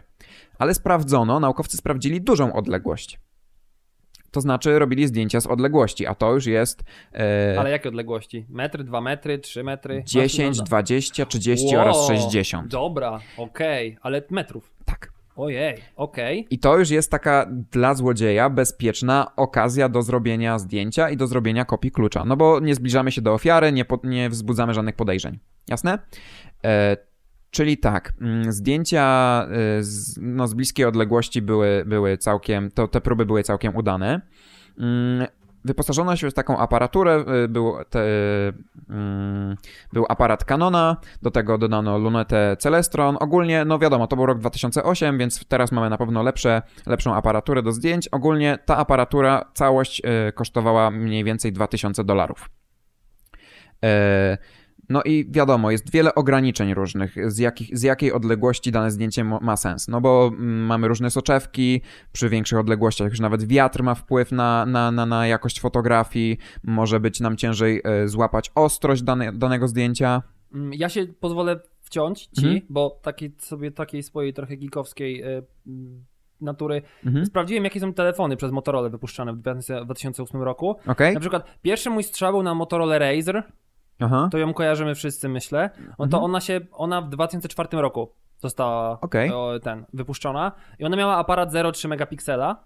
W 2008 roku za to y, to na przykład była Motorola Aura, ale ja nie wiem jaki ona miała ap- y, 5 megapikseli. Dobra. Czyli w tym momencie, bo to też swoją drogą a pierwszy iPhone wyszedł w 2007, to też był rok, w którym zaczęły wychodzić pierwsze telefony z Androidem typu Mhm. Era G1 albo na przykład jeszcze był y, Xperia X1, jeszcze BlackBerry w ogóle wtedy i HTC też jeszcze wtedy y, nawet Działały na rynku działały. smartfonów. No, mniej więcej, Znaczy telefonów. niemniej jednak Mhm. To jest jakieś 3-5 megapikseli, myślę max 8 takie Jasne. aparaty były. No więc e, i taki telefon już e, po prostu no, nadawał się, że w tak takiej powiem. odległości, typu 10 metrów. Nie, nie, nie. Czy... Zdjęcia z odległości wykonywano i- stosując inną aparaturę, e, dobra. aparat Canona i do tego była też luneta Celestron, jakiś statyw i całość Dobra. zamykała się w tak, ten sprzęt w całości zamykał się e, w 2000 Bo tych. szukałem informacji tysiącach i trochę, dolarów. Trochę, trochę, się, ten, trochę się wyłączyłem. Okej, jakie były wyniki? E, Dla około 10 metrów w 100% przypadków udało się za pierwszym kodem. Czyli program, robiliśmy fotografię, Mhm. e, e, kod na, znaczy program zwracał nam kod, no i to, e, to był pierwszy kod, pierwsza próba i w 100% zawsze się udawało. Okej. 10 metrów, to już jest całkiem spora No, odległość. sporo, bardzo sporo. Całkiem spora, no biorąc pod uwagę, że klucz to jest mały obiekt. No, E, potem dalej 20 metrów. E, 8 na 10 kluczy było odgadniętych, odkodowanych za pierwszym razem. E, przy czym, mm, by odgadnąć wszystkie 100%, 10 na 10 kluczy, były potrzebne dwa typy. Czyli program musiał nam zwrócić dwa różne kody, Okej. czyli w praktyce my musieliśmy sobie wydrukować, czy, czy, czy stworzyć dwa różne klucze, dwie różne kopie, by mieć pewność, że, mm, że uda nam się otworzyć drzwi. po prostu, no tak, tak, tak, tak, tak. E, Potem sprawdzono 30 metrów czy 100 stóp i 7 na 10 kluczy było odkodowanych za pierwszym razem. 30 metrów. To już jest, To jest naprawdę dużo. to już można, no nie wiem, ktoś siedzi w restauracji, a my możemy z budynku obok, z jakiegoś piętra zrobić zdjęcie. Ze snaj- no trochę tak, trochę takie, trochę taka, taka robota dla snajpera, zrobienie Mhm. zdjęcia z 30 metrów. Jasny gwint. Tak jak mówię, ci naukowcy mieli y, przyrządy, które kosztowały, w sensie ten, ten aparat, on kosztował razem z, o, z całym sprzętowaniem, z lunetą, kosztował 2000 dolarów. No, a to było w 2008 to, roku, Tak, 2008 optyka sporo poszła do przodu, tak mi się w więc na pewno dużo tańszym kosztem można uzyskać teraz takie Mhm. wyniki. E, dobrze, dla 30 metrów, czyli tych 100 stop, stóp, 7 na 10 kluczy było odkodowanych za pierwszym razem Mhm. i potrzebne były 3 próby, by odkodować 100% kluczy. Wciąż, wciąż bardzo mało. Czy, czy 100% fotografii, jak gdyby. E, Na dystansie 60 metrów naukowcy mieli pewne problemy, no bo zaczęły być problemy, zaczęli mieć problemy z ostrością, Mhm. E, bo robili to z dachu budynku, więc pojawił się wiatr, wiatr bardzo przeszkadzał w odpowiednim złapaniu ostrości, więc stworzono w sumie 40 zdjęć, z czego tylko jedno zdjęcie się nadawało i z niego udało się odgadnąć kod w trzech próbach, czyli program zwrócił trzy różne Wow. Trzy różne e, kody. No więc chwilę to nie, nie mogło być takie błyskawiczne zdjęcie wtedy, ale, Ale z 60 anyway, metrów, no to jest anyway, totalnie możesz nie wzbudzać żadnych podejrzeń. Czyli wystarczy, że idziesz do restauracji, wyciągasz na stół klucze, bo cię uwierają i, i, i jesteś narażony na to, że ktoś jest w stanie odkodować twój klucz. Trochę przerażające, nie? Szczyptańka. Znaczy jeszcze musi wiedzieć, gdzie mieszkam i tak dalej, ale Tak, E, ale, ale jeżeli jed- ktoś ale na przykład cię no- śledzi, to no. z takiego dystansu 60 metrów jest, zna- no, no, no jest w stanie, no, to jest, no totalnie nie jesteś w stanie tego wykryć, że nie ktoś tobie robi, ze sobą. tak, więc e, klucze trzymamy w kieszeni, nie, w domu. tak, wychodzimy i nie, zamyk, nie, tak, Słuchaj, nie zamykamy jeśli drzwi nie na klucz. weźmiesz kluczy z domu, to nie zrobione, nie zrobione zostanie zdjęcie tych, tych kluczy, nie? To prawda, to Smart, prawda, Smart. ale okazuje się, i teraz już zacznę opowiadać o drugiej metodzie, chyba, że masz pytanie jeszcze do pierwszej. Nie, chyba nie, chyba to, to okej. Bo druga metoda, moim zdaniem, jest jeszcze bardziej przerażająca. Oh yeah. I ta metoda pochodzi z 2020 roku. E, nazywa się Spikey. To jeszcze raz, który? Spy e, z 2020. Okej, tego czyli roku. nóweczka, Tak, tak. dobra. Mhm. E, mm, program, który to obsługuje, nazywa się Spikey. E, I wystarczy nam audio, wystarczy nam dźwięk wkładanego klucza bądź wyciąganego z zamka, by zdeszyfrować e, ten zamek. I to już jest mega przerażające. Czyli wystarczy, że ktoś podejdzie do nas z mikrofonem, znaczy ze smartfonem z mikrofonem i nagra Bo właśnie dźwięk. pytanie brzmi, jak ten dźwięk musi być czuły. E, to nie, nie Relop, znaczy, się to zrobi? e, wystar- wydaje mi się, że e, naprawdę ze smartfona jest to wyma- wystarczająco o- odpowiedni dźwięk. Tutaj Wow. jakość audio nie jest aż tak istotna. To ja teraz przy każdym wkładaniu klucza będę robił "Aaa!" No to prawda, to, to na koniec może sobie, po, po, tutaj powiedzieliśmy w tej poprzedniej próbie, że po prostu no, metodą na to, by się przed tym chronić jest to, żeby trzymamy klucze w kieszeni i nie wyciągamy ich nigdzie na wierzch. Tutaj mamy, nie wiem. I nie tak, tak samo nie fotografujemy się gdzieś, gdy jakieś klucze gdzieś leżą w pobliżu. To ja dzisiaj czytnik na kartę sobie uruchamiam w domu. No, można, można też tak zmienić zamek na jakiś inny. E, a tutaj wystarczy samo audio. Wystarczy, ktoś nagra dźwięk wkładanego bądź wykładanego klucza i już jest w stanie za Wyciąganego pomocą... tak samo. Wow. Wyciąganego tak samo. Nice. Jest w stanie y, mm, za pomocą tego oprogramowania skopiować nasz klucz. Jak to działa? Klucz, e, tak jak powiedziałem, normalnie jest milion kombinacji. Mhm. Tak powiedziałem. Przy czym okłamałem cię. O, żartowniś. Żartowniś, e, bo różnica między dwoma sąsiednimi poziomami, Mhm. czyli jeżeli pierwszy bolec jest nacięty w pozycji 1, a drugi jest nacięty w pozycji 8, to taki klucz nie istnieje, gdyż jest ograniczenie, które wymaga e, tego, by e, różnica pomiędzy dwoma sąsiednimi poziomami nie była większa niż 7. Okej. Czyli kombinacja, że pierwszy bolec ma wysokość 1, a drugi 7 jest ok, ale gdy jeżeli jest to na przykład 2 i 9, czyli różnica jest y, No też siedmiu. Aha, też 7. No to 2 i 10, sorry. 2 i 10. tak, Smart. smart. E, Gdy różnica jest już na przykład 8, czyli w przypadku 2,10, no to taki klucz nie istnieje. To wymaga po prostu z tego, znaczy no ten klucz byłby narażony na pękanie. Okej. No bo te ząbki musiały być bardzo, ba- musiałaby być duża różnica i to nacięcie mogłoby być takie nietrwałe. Okej, rozumiem. Więc jest taka, e, takie ograniczenie i wtedy to oznacza, że tak naprawdę kombinacji jest pół miliona. Hmm, To ograniczenie sprawia, że mamy aż no, o połowę mniej. okej. To jest dobre pół miliona. Okej, no dobra, to trochę teraz o tej metodzie. Metoda polega na odtworzeniu kodu klucza, klucza na podstawie dźwięku, co powiedziałem, i jest to zaleta taka, że nie obchodzimy mechanizmu. A w tych metodach, które obchodzą mechanizm, typu lockpicking i, i bumping, no to możemy y, uszkodzić zamek. W sensie jakieś tam mogą zostać na bolcach ślady, że ktoś y, coś robił. Tutaj my odtwarzamy klucz, Także no, nie, jest, nie zostawiamy śladów. Zostawiamy takie ślady jak normalne użytkowanie. E, więc jest to taka zaleta tej metody, znaczy zaleta z perspektywy złodzieja. Mhm. E, ogólnie jest to no, bardzo skomplikowana rzecz. Jak przełożyć dźwięk na kształt klucza? E, mm, okazuje się, że gdy wkładamy klucz, to mamy tak zwane kliki. Kliki skąd się biorą? Biorą się z tego, że na kluczu mamy tak zwane ząbki. I te ząbki, gdy umieszczamy klucz, gdy wsadzamy klucz i powoli go wkładamy, to na tych ząbkach przeskakują bolce. I to przeskakiwanie To jest bolc... tym klikiem odznaczone. Tak. I, i, I to wydaje taki dźwięk, taki klik. E, no ale to jest też bardzo skomplikowana rzecz. Same kliki nam nie wystarczą. Plus one są chyba dosyć ciche, nie? W sensie musiałbym teraz na przykład wziąć klucz, tak, w sensie, żebym ja chciał to usłyszeć, tak charakterystyczne, Mhm. po prostu przyłożyć ucho, nie? I wkładać po pierwszym lepszym ząbku, nie? Bo normalnie jest taki chr, słuchaj, No tak. chrupanie. No i to się składa na to chr, składa się y, seria klików. Okej. E, to już uprzedzę, ale ząbków mamy, znaczy bolców mamy sześć. Mhm. E, każdy kolejny ząbek, jak wchodzi, to e, każdy kolejny bolec jest e, dotykany, czy wydaje mniej klików, dlatego że przez pierwszy bolec przechodzą No tak. wszystkie ząbki, Mhm, przez przez drugi następny- bolec już o jeden mniej i tak dalej. Okej. Czyli w sumie mamy 21 klików. Bo pierwszy wydaje, pierwszy bolec wydaje 6, kolejny wydaje 5, 4, 3, No i przy 2. okazji się skalują, nie? Jak jest, wkładamy ostatni, to wszystkie wydają dźwięk naraz, nie? Wszystkie kliki, no bo ten, no bo dotykają je każdy ząbek swojego Mm, bolca. Tak. E, no właśnie, ale jest też, e, może być tak, że mamy różną odległość między ząbkami, bo co istotne, to to, że to, co nam koduje, mm, koduje ten szyfr w kluczu, to nie są te ząbki, czyli te takie górki, ale dołki.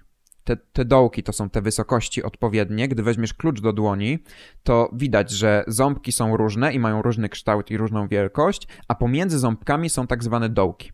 I to te dołki, one koniec końców, gdy wsadzimy do końca e, klucz do zamka, to one właśnie odpowiadają za regulację wysokości bolców. Jasne? Mhm. Czyli nie ząbki, ząbki odpowiadają za kliknięcia, e, to są po prostu ząbki oddzielają od siebie dołki.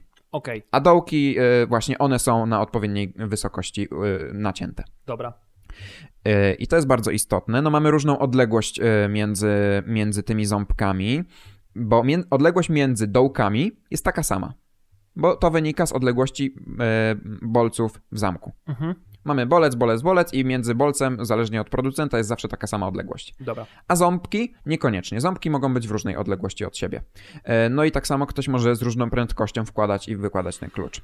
Czyli wiele różnych rzeczy trzeba wziąć pod uwagę. E, Co robimy przede wszystkim? Mierzymy czas pomiędzy kliknięciami. Czyli mamy pierwsze kliknięcie, drugie, i z tego czasu możemy wywnioskować, jest pewna korelacja, możemy wywnioskować, jaka jest odległość między ząbkami. Czas pojawienia się klików mówi nam, jaka jest odległość między ząbkami na kluczu. Jasne? Mhm. Przy czym pragnę zauważyć, że, odle- że ząbki nie odpowiadają nam za szyfr. Odpowiadają nam dołki na kluczu, nie ząbki. E, dobrze, czyli teraz musimy tak ustalić e, znowu, gdzie są, do, e, są dołki i jak głębokie na kluczu. To są dwie podstawowe rzeczy. Jak to robimy? No, nagrywamy y, ten dźwięk. Najpierw ścieżka dźwiękowa jest montowana tak, by pozostał dźwięk tylko powyżej 15 kHz i to są tylko kliknięcia. W ten sposób pozbywamy się pewnego szumu z otoczenia. Okej, dobra. I to jest taka, taki pierwszy etap. E, następnie wykrywamy tak zwany punkt początkowy dla każdego kliku. I, stw- I stwarzamy taką serię klików. Jeżeli wszystko poszło ok, no to mamy właśnie 21 takich e, klików, które są od siebie oddzielone jakimś odstępem czasowym. E, następnym krokiem jest ustalenie, jaka jest odległość między ząbkami. Ząbki, okazuje się, mają różne położenie. Tak jak powiedziałem, dołki między sobą, na przykład do, między dołkiem pierwszym a drugim jest taka sama odległość jak między dołkiem drugim a trzecim. Mhm. Ale odległość między ząbkami już jest różna. Z czego to wynika? E, wynika to z tego, że gdy mamy na różnej wysokości nacięte mm, dołki, to te ząbki albo są bliżej, jeżeli mamy głębsze nacięcie, albo, albo y, jeżeli jest y, płytsze nacięcie, to ten ząbek jest y, dalej albo bliżej. Jasne? E, czyli od tego, mm, czyli odległość między ząbkami wynika z różnicy wysokości sąsiednich dołków. Tak? Mhm. Z różnicy wysokości sąsiednich dołków. E, czyli one są, te ząbki czasami są bliżej dołka i czasami dalej. I one właśnie zależą od głębokości sąsiednich dołków. E, musimy uwzględnić wiele różnych zmie- zmiennych, no bo jeżeli mamy e, płytki dołek i głęboki dołek obok siebie, to wtedy ten ząbek będzie miał inny kąt nacięcia niż, e, niż normalnie. Mm, Im głębiej też znajduje się klucz, tym jest więcej klików naraz. E, w sumie musi być ich 21. Są też, e, są, czyli są, są, mamy odległości między ząbkami, a to, co nas interesuje tak naprawdę, to odległości między dołkami. Czyli bezpośrednio z tych klików możemy wywnioskować i odczytać, jakie są odległości między ząbkami, ale nie wiemy, jak to się przekłada na początku, e, jak to się przekłada na odległości między dołkami. Czyli jak. E, też jaka jest różnica głębokości między sąsiednimi, e, sąsiednimi dołkami, taki jest kąt nachylenia cięcia. Okej. I to wszystko przekłada się na y, różnicę w dźwięku i też przede wszystkim to, co jest dla nas najważniejsze, początek kliknięcia. Bo to nam mówi o tym, że właśnie ząbek y, minął bolec i on wydał dźwięk. Dobrze. Mm. Czyli odległość między dwoma ząbkami zależy od różnicy trzech kolejnych głębokości. Czyli mamy, yy, mamy serię, no w sumie w zamku mamy 6 bolców, czyli musi być 6 dołków. I może być tak, że mamy yy, yy, pierwszy bolec ma głębokość 5, kolejny ma 4, kolejny ma 3. Mhm. I pomiędzy nimi, pomiędzy tymi trzema dołkami są dwa ząbki. Jasne? Pomiędzy trzema dołkami są dwa ząbki. Tak, no tak, faktycznie, no bo tak, dobra. Mhm. E, czyli mamy głębokość jednego dołka 5, 4 i 3. Taka jest kolejność.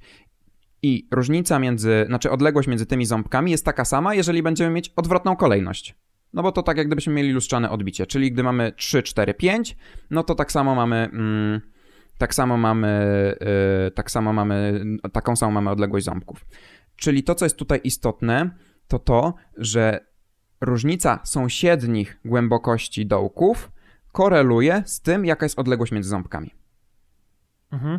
I jeżeli uwzględnimy całość, e, to można to ujarzmić poprzez skomplikowany algorytm, który właśnie też bierze pod uwagę te kąty nacięcia i tak dalej i możemy mm, wywnioskować z tego, jaka jest odległość między ząbkami, jaka jest głębokość poszczególnych dołków.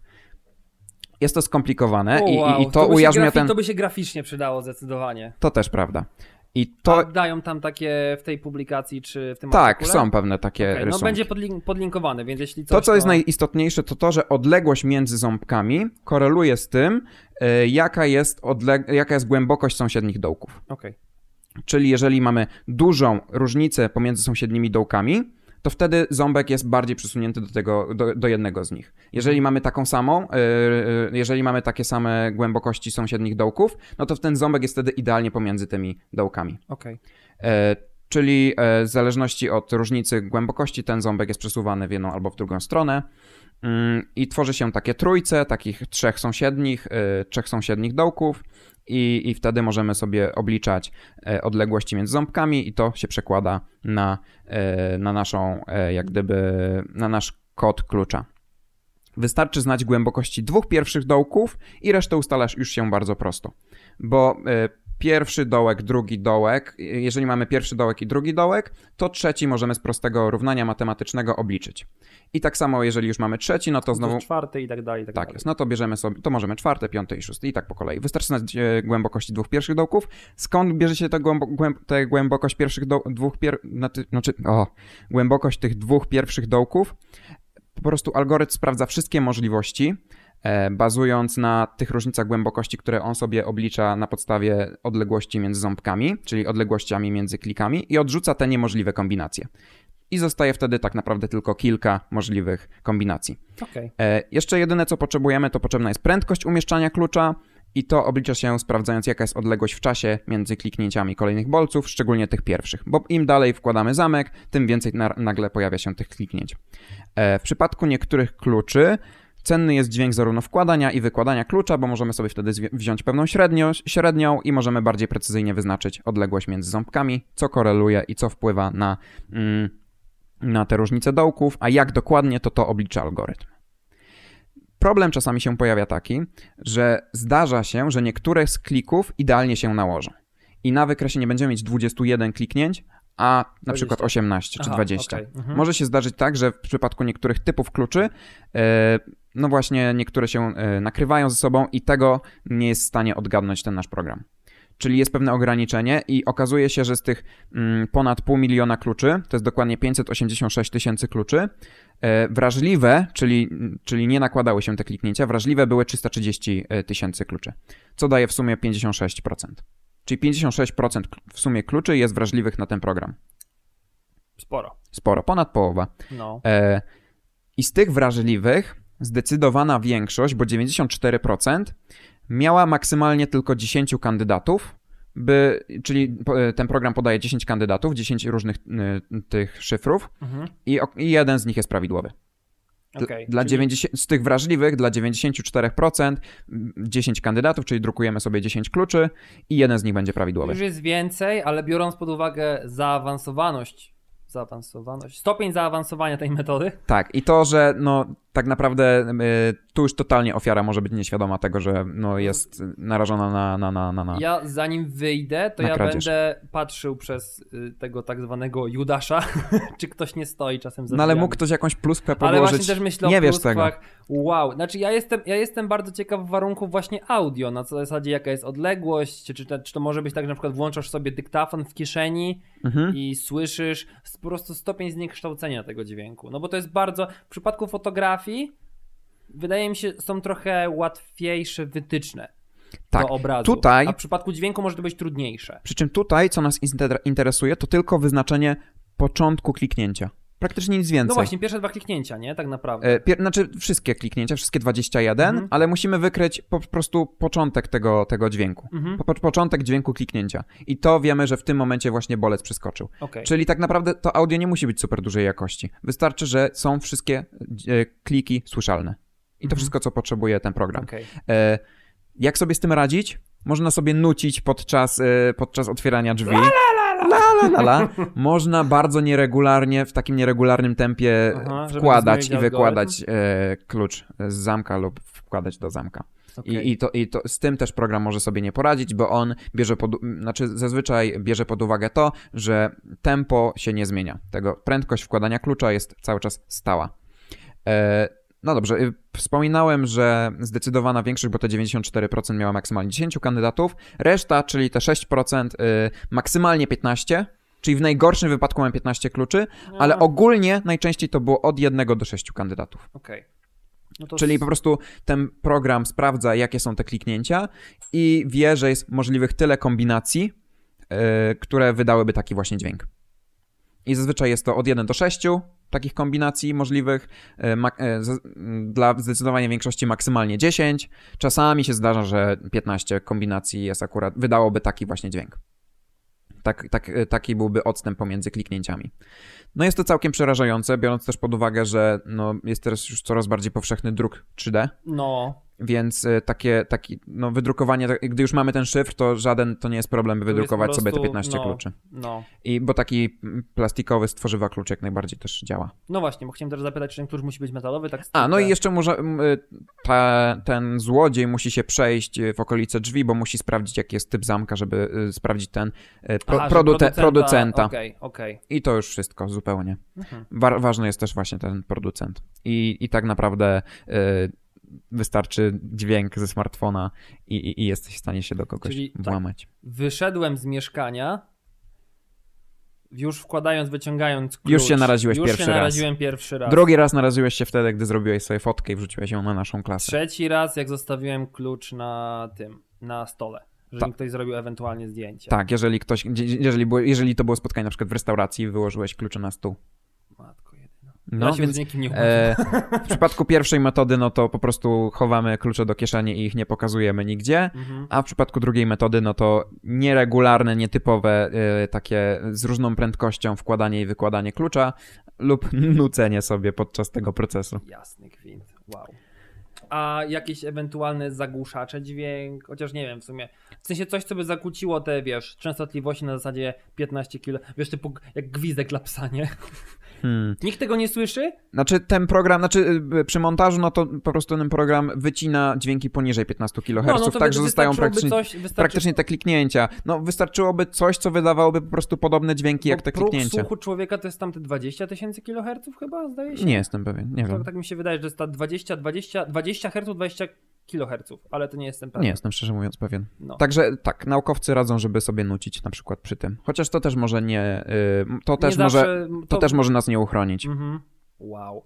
Znaczy właśnie, jeśli nie mamy, jeśli nasze nuty są poniżej tych 15 tysięcy, to są po prostu Mhm. wycięte, nie?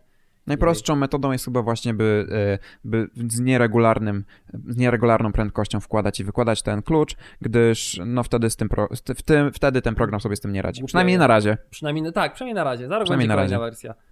I to są jedyne metody, znaczy te metody, które ty przygotowałeś dzisiaj. Tak Czy jest, tak innego? jest. Nie, to takie kreatywne metody, które, które znalazłem na skopiowanie tak naprawdę klucza. Jeśli macie jeszcze jakieś metody, stosowaliście w praktyce, to możecie się do nas, możecie się nam pochwalić. Tak na przykład na naszego maila Tak jest, zachęcamy do kontaktu z nami, zachęcamy do kontaktu e, poprzez fanpage, na, zarówno na Facebooku, jak i Twitterze. Na Facebooku kontakt, e, Jezus, e, podcast hechemiczny, na Tak jest. Twitterze małpa hechemiczny, Mhm. mail z kolei to kontakt.hechemiczny małpa gmail.com. Mhm. Będziemy bardzo szczęśliwi, jeśli zostawicie swoje opinie, y, jeżeli może macie jakieś rady dla nas, porady, y, czy może chcielibyście coś innego usłyszeć albo w inny sposób, no jeżeli Albo macie jakieś uwagi po prostu. Babola po prostu znowu strzeliliśmy, tak jak ja I chcecie nas sprostować. Tak, i chcecie nas sprostować. To my się chętnie bardzo do tego odniesiemy. No i z, przede wszystkim zachęcamy do zaobserwowania w serwisach streamingowych i dania subskrypcji na YouTubie. Tak myślę. Tak jest. No, No i to chyba- Statystyki, statystyki się, ten, się bardzo liczą jednak. I Tak. nam zawsze, naprawdę uwierzcie, nam bardzo, bardzo miło jest widzieć, jak Bardzo miło, jeżeli czytamy jakąś, albo, albo czytamy jakąś miłą wiadomość, No, albo Al... napiszcie, że jesteśmy spoko, albo to Tak. się fajnie słucha. Natomiast jeszcze w temacie, bo to tak akurat Mhm. zrobiłem to z nawiązaniem, mnie w ogóle bardzo fascynują ta, nazwijmy to zimna wojna, jeśli chodzi o A, zabez, wiesz, Tacy zabezpieczenia. nie? hakerzy, no może Tak, w tym tak, przypadku to nie jest hakowanie, ale... spece od na przykład zabezpieczeń. Nie? No, Jak są Dokładnie. te konkursy, że y, chyba kiedyś tam Elon Musk zdaje się, wiesz, powiedział zhakujcie mi Teslę, tam nie wiem, na przykład do czasu przez tydzień, w ciągu Mhm. tygodnia, jak ktoś zhakuje Teslę, ja mu daję 500 tysięcy dolarów. Ktoś de- Teslę, dostaje 500 tysięcy dolarów, jeszcze dostaje pracę w Tesli, nie do ten, nad zabezpieczeniami. Mhm. I to jest taki właśnie, taki niekończący się wyścig zbrojeń, żeby jedni prześcignęli drugich. Właśnie do, No bo widzisz, w publikacje- 2008 roku ktoś wpadł na to, żeby z fotografii odtworzyć klucz. No i to jest dosyć oczywiste. Widzimy klucz, mamy zdjęcie klucza, no to jesteśmy w stanie, znaczy jesteś świadom tego, że może jesteś przy, przy użyciu jakichś technik, jesteś w stanie odtworzyć ten klucz, ale za pomocą dźwięku? Jak, fotografia jest dla mnie jeszcze w miarę taka zrozumiała, ale dźwięk jest Tak. dla mnie kompletnym kosmosem. Tak, tak. Y, No y, to muszę przyznać, że sam artykuł nie jest prosty, ale no udało się zrobić to naukowcom i faktycznie im to działa. Najgorsze jest to, ile jest rzeczy, o których my nie wiemy, nie? Że są w Mhm. trakcie rozwoju po prostu. Dokładnie. Dokładnie. Wow. I to tyle chyba na dzisiaj, co? Masz coś do dodania? E, Nie chce mi się ten, wyciągając klucz i wkładając, stosować A. różnych prędkości. No, ale wiesz, możesz, możesz też notować, znaczy notować, Notować, e, e, nie nucić. notować, tylko nucić. La, la, la, la, la. La, la, la. I ch- chyba już lepiej e, ten klucz inaczej trochę Tak, im wkładać wyżej, im wykładać. wyżej tą zrobię, tym większe częstotliwości, więc Tym będę, jest większa będę, szansa, że będę zakłócisz te śpiewakiem operowym podczas Mhm. tego, podczas, e, podczas otwierania i zamykania drzwi. Sąsiedzi cię uwielbiają. O, Adrian Dodam- wrócił. Dodam, tak, dodam. O Jezu, znowu on. Dodam tylko, że u mnie na klatce strasznie wszystko się niesie i myślę, że po mieszkaniach też się wszystko niesie. Zwłaszcza w łazience to słychać, ale zakładam, że przez kominy wentylacyjne. I co? prawda. Surówki wyszło nam dwie godziny. Na pewno trochę z tego zostanie ucięte, więc poniżej będzie. My z Patrykiem obiecaliśmy sobie krótszy odcinek niż, Tak. niż ostatnio. I chyba się udało. Chyba no, udało się, ale Udało się. bliżej celowaliśmy bardziej w półtorej godziny niż w dwie godziny. nie? No, ale myślę, że jak utniemy surówkę, to może być blisko tej, tego półtora godziny. Mi się wydaje, że nie aż tak. Ale anyway, anyway. Fajnie, fe... ciekawe, serio. No jakby- dobra, nie przedłużajmy. Dobra, w Dziękujemy za, za, za, za, za słuchanie i, i do, I do zobaczenia, do usłyszenia do następnego usłyszenia, razem. Tak, do usłyszenia za dwa tygodnie. Cześć, na razie, do zobaczenia. Ciao, ciao.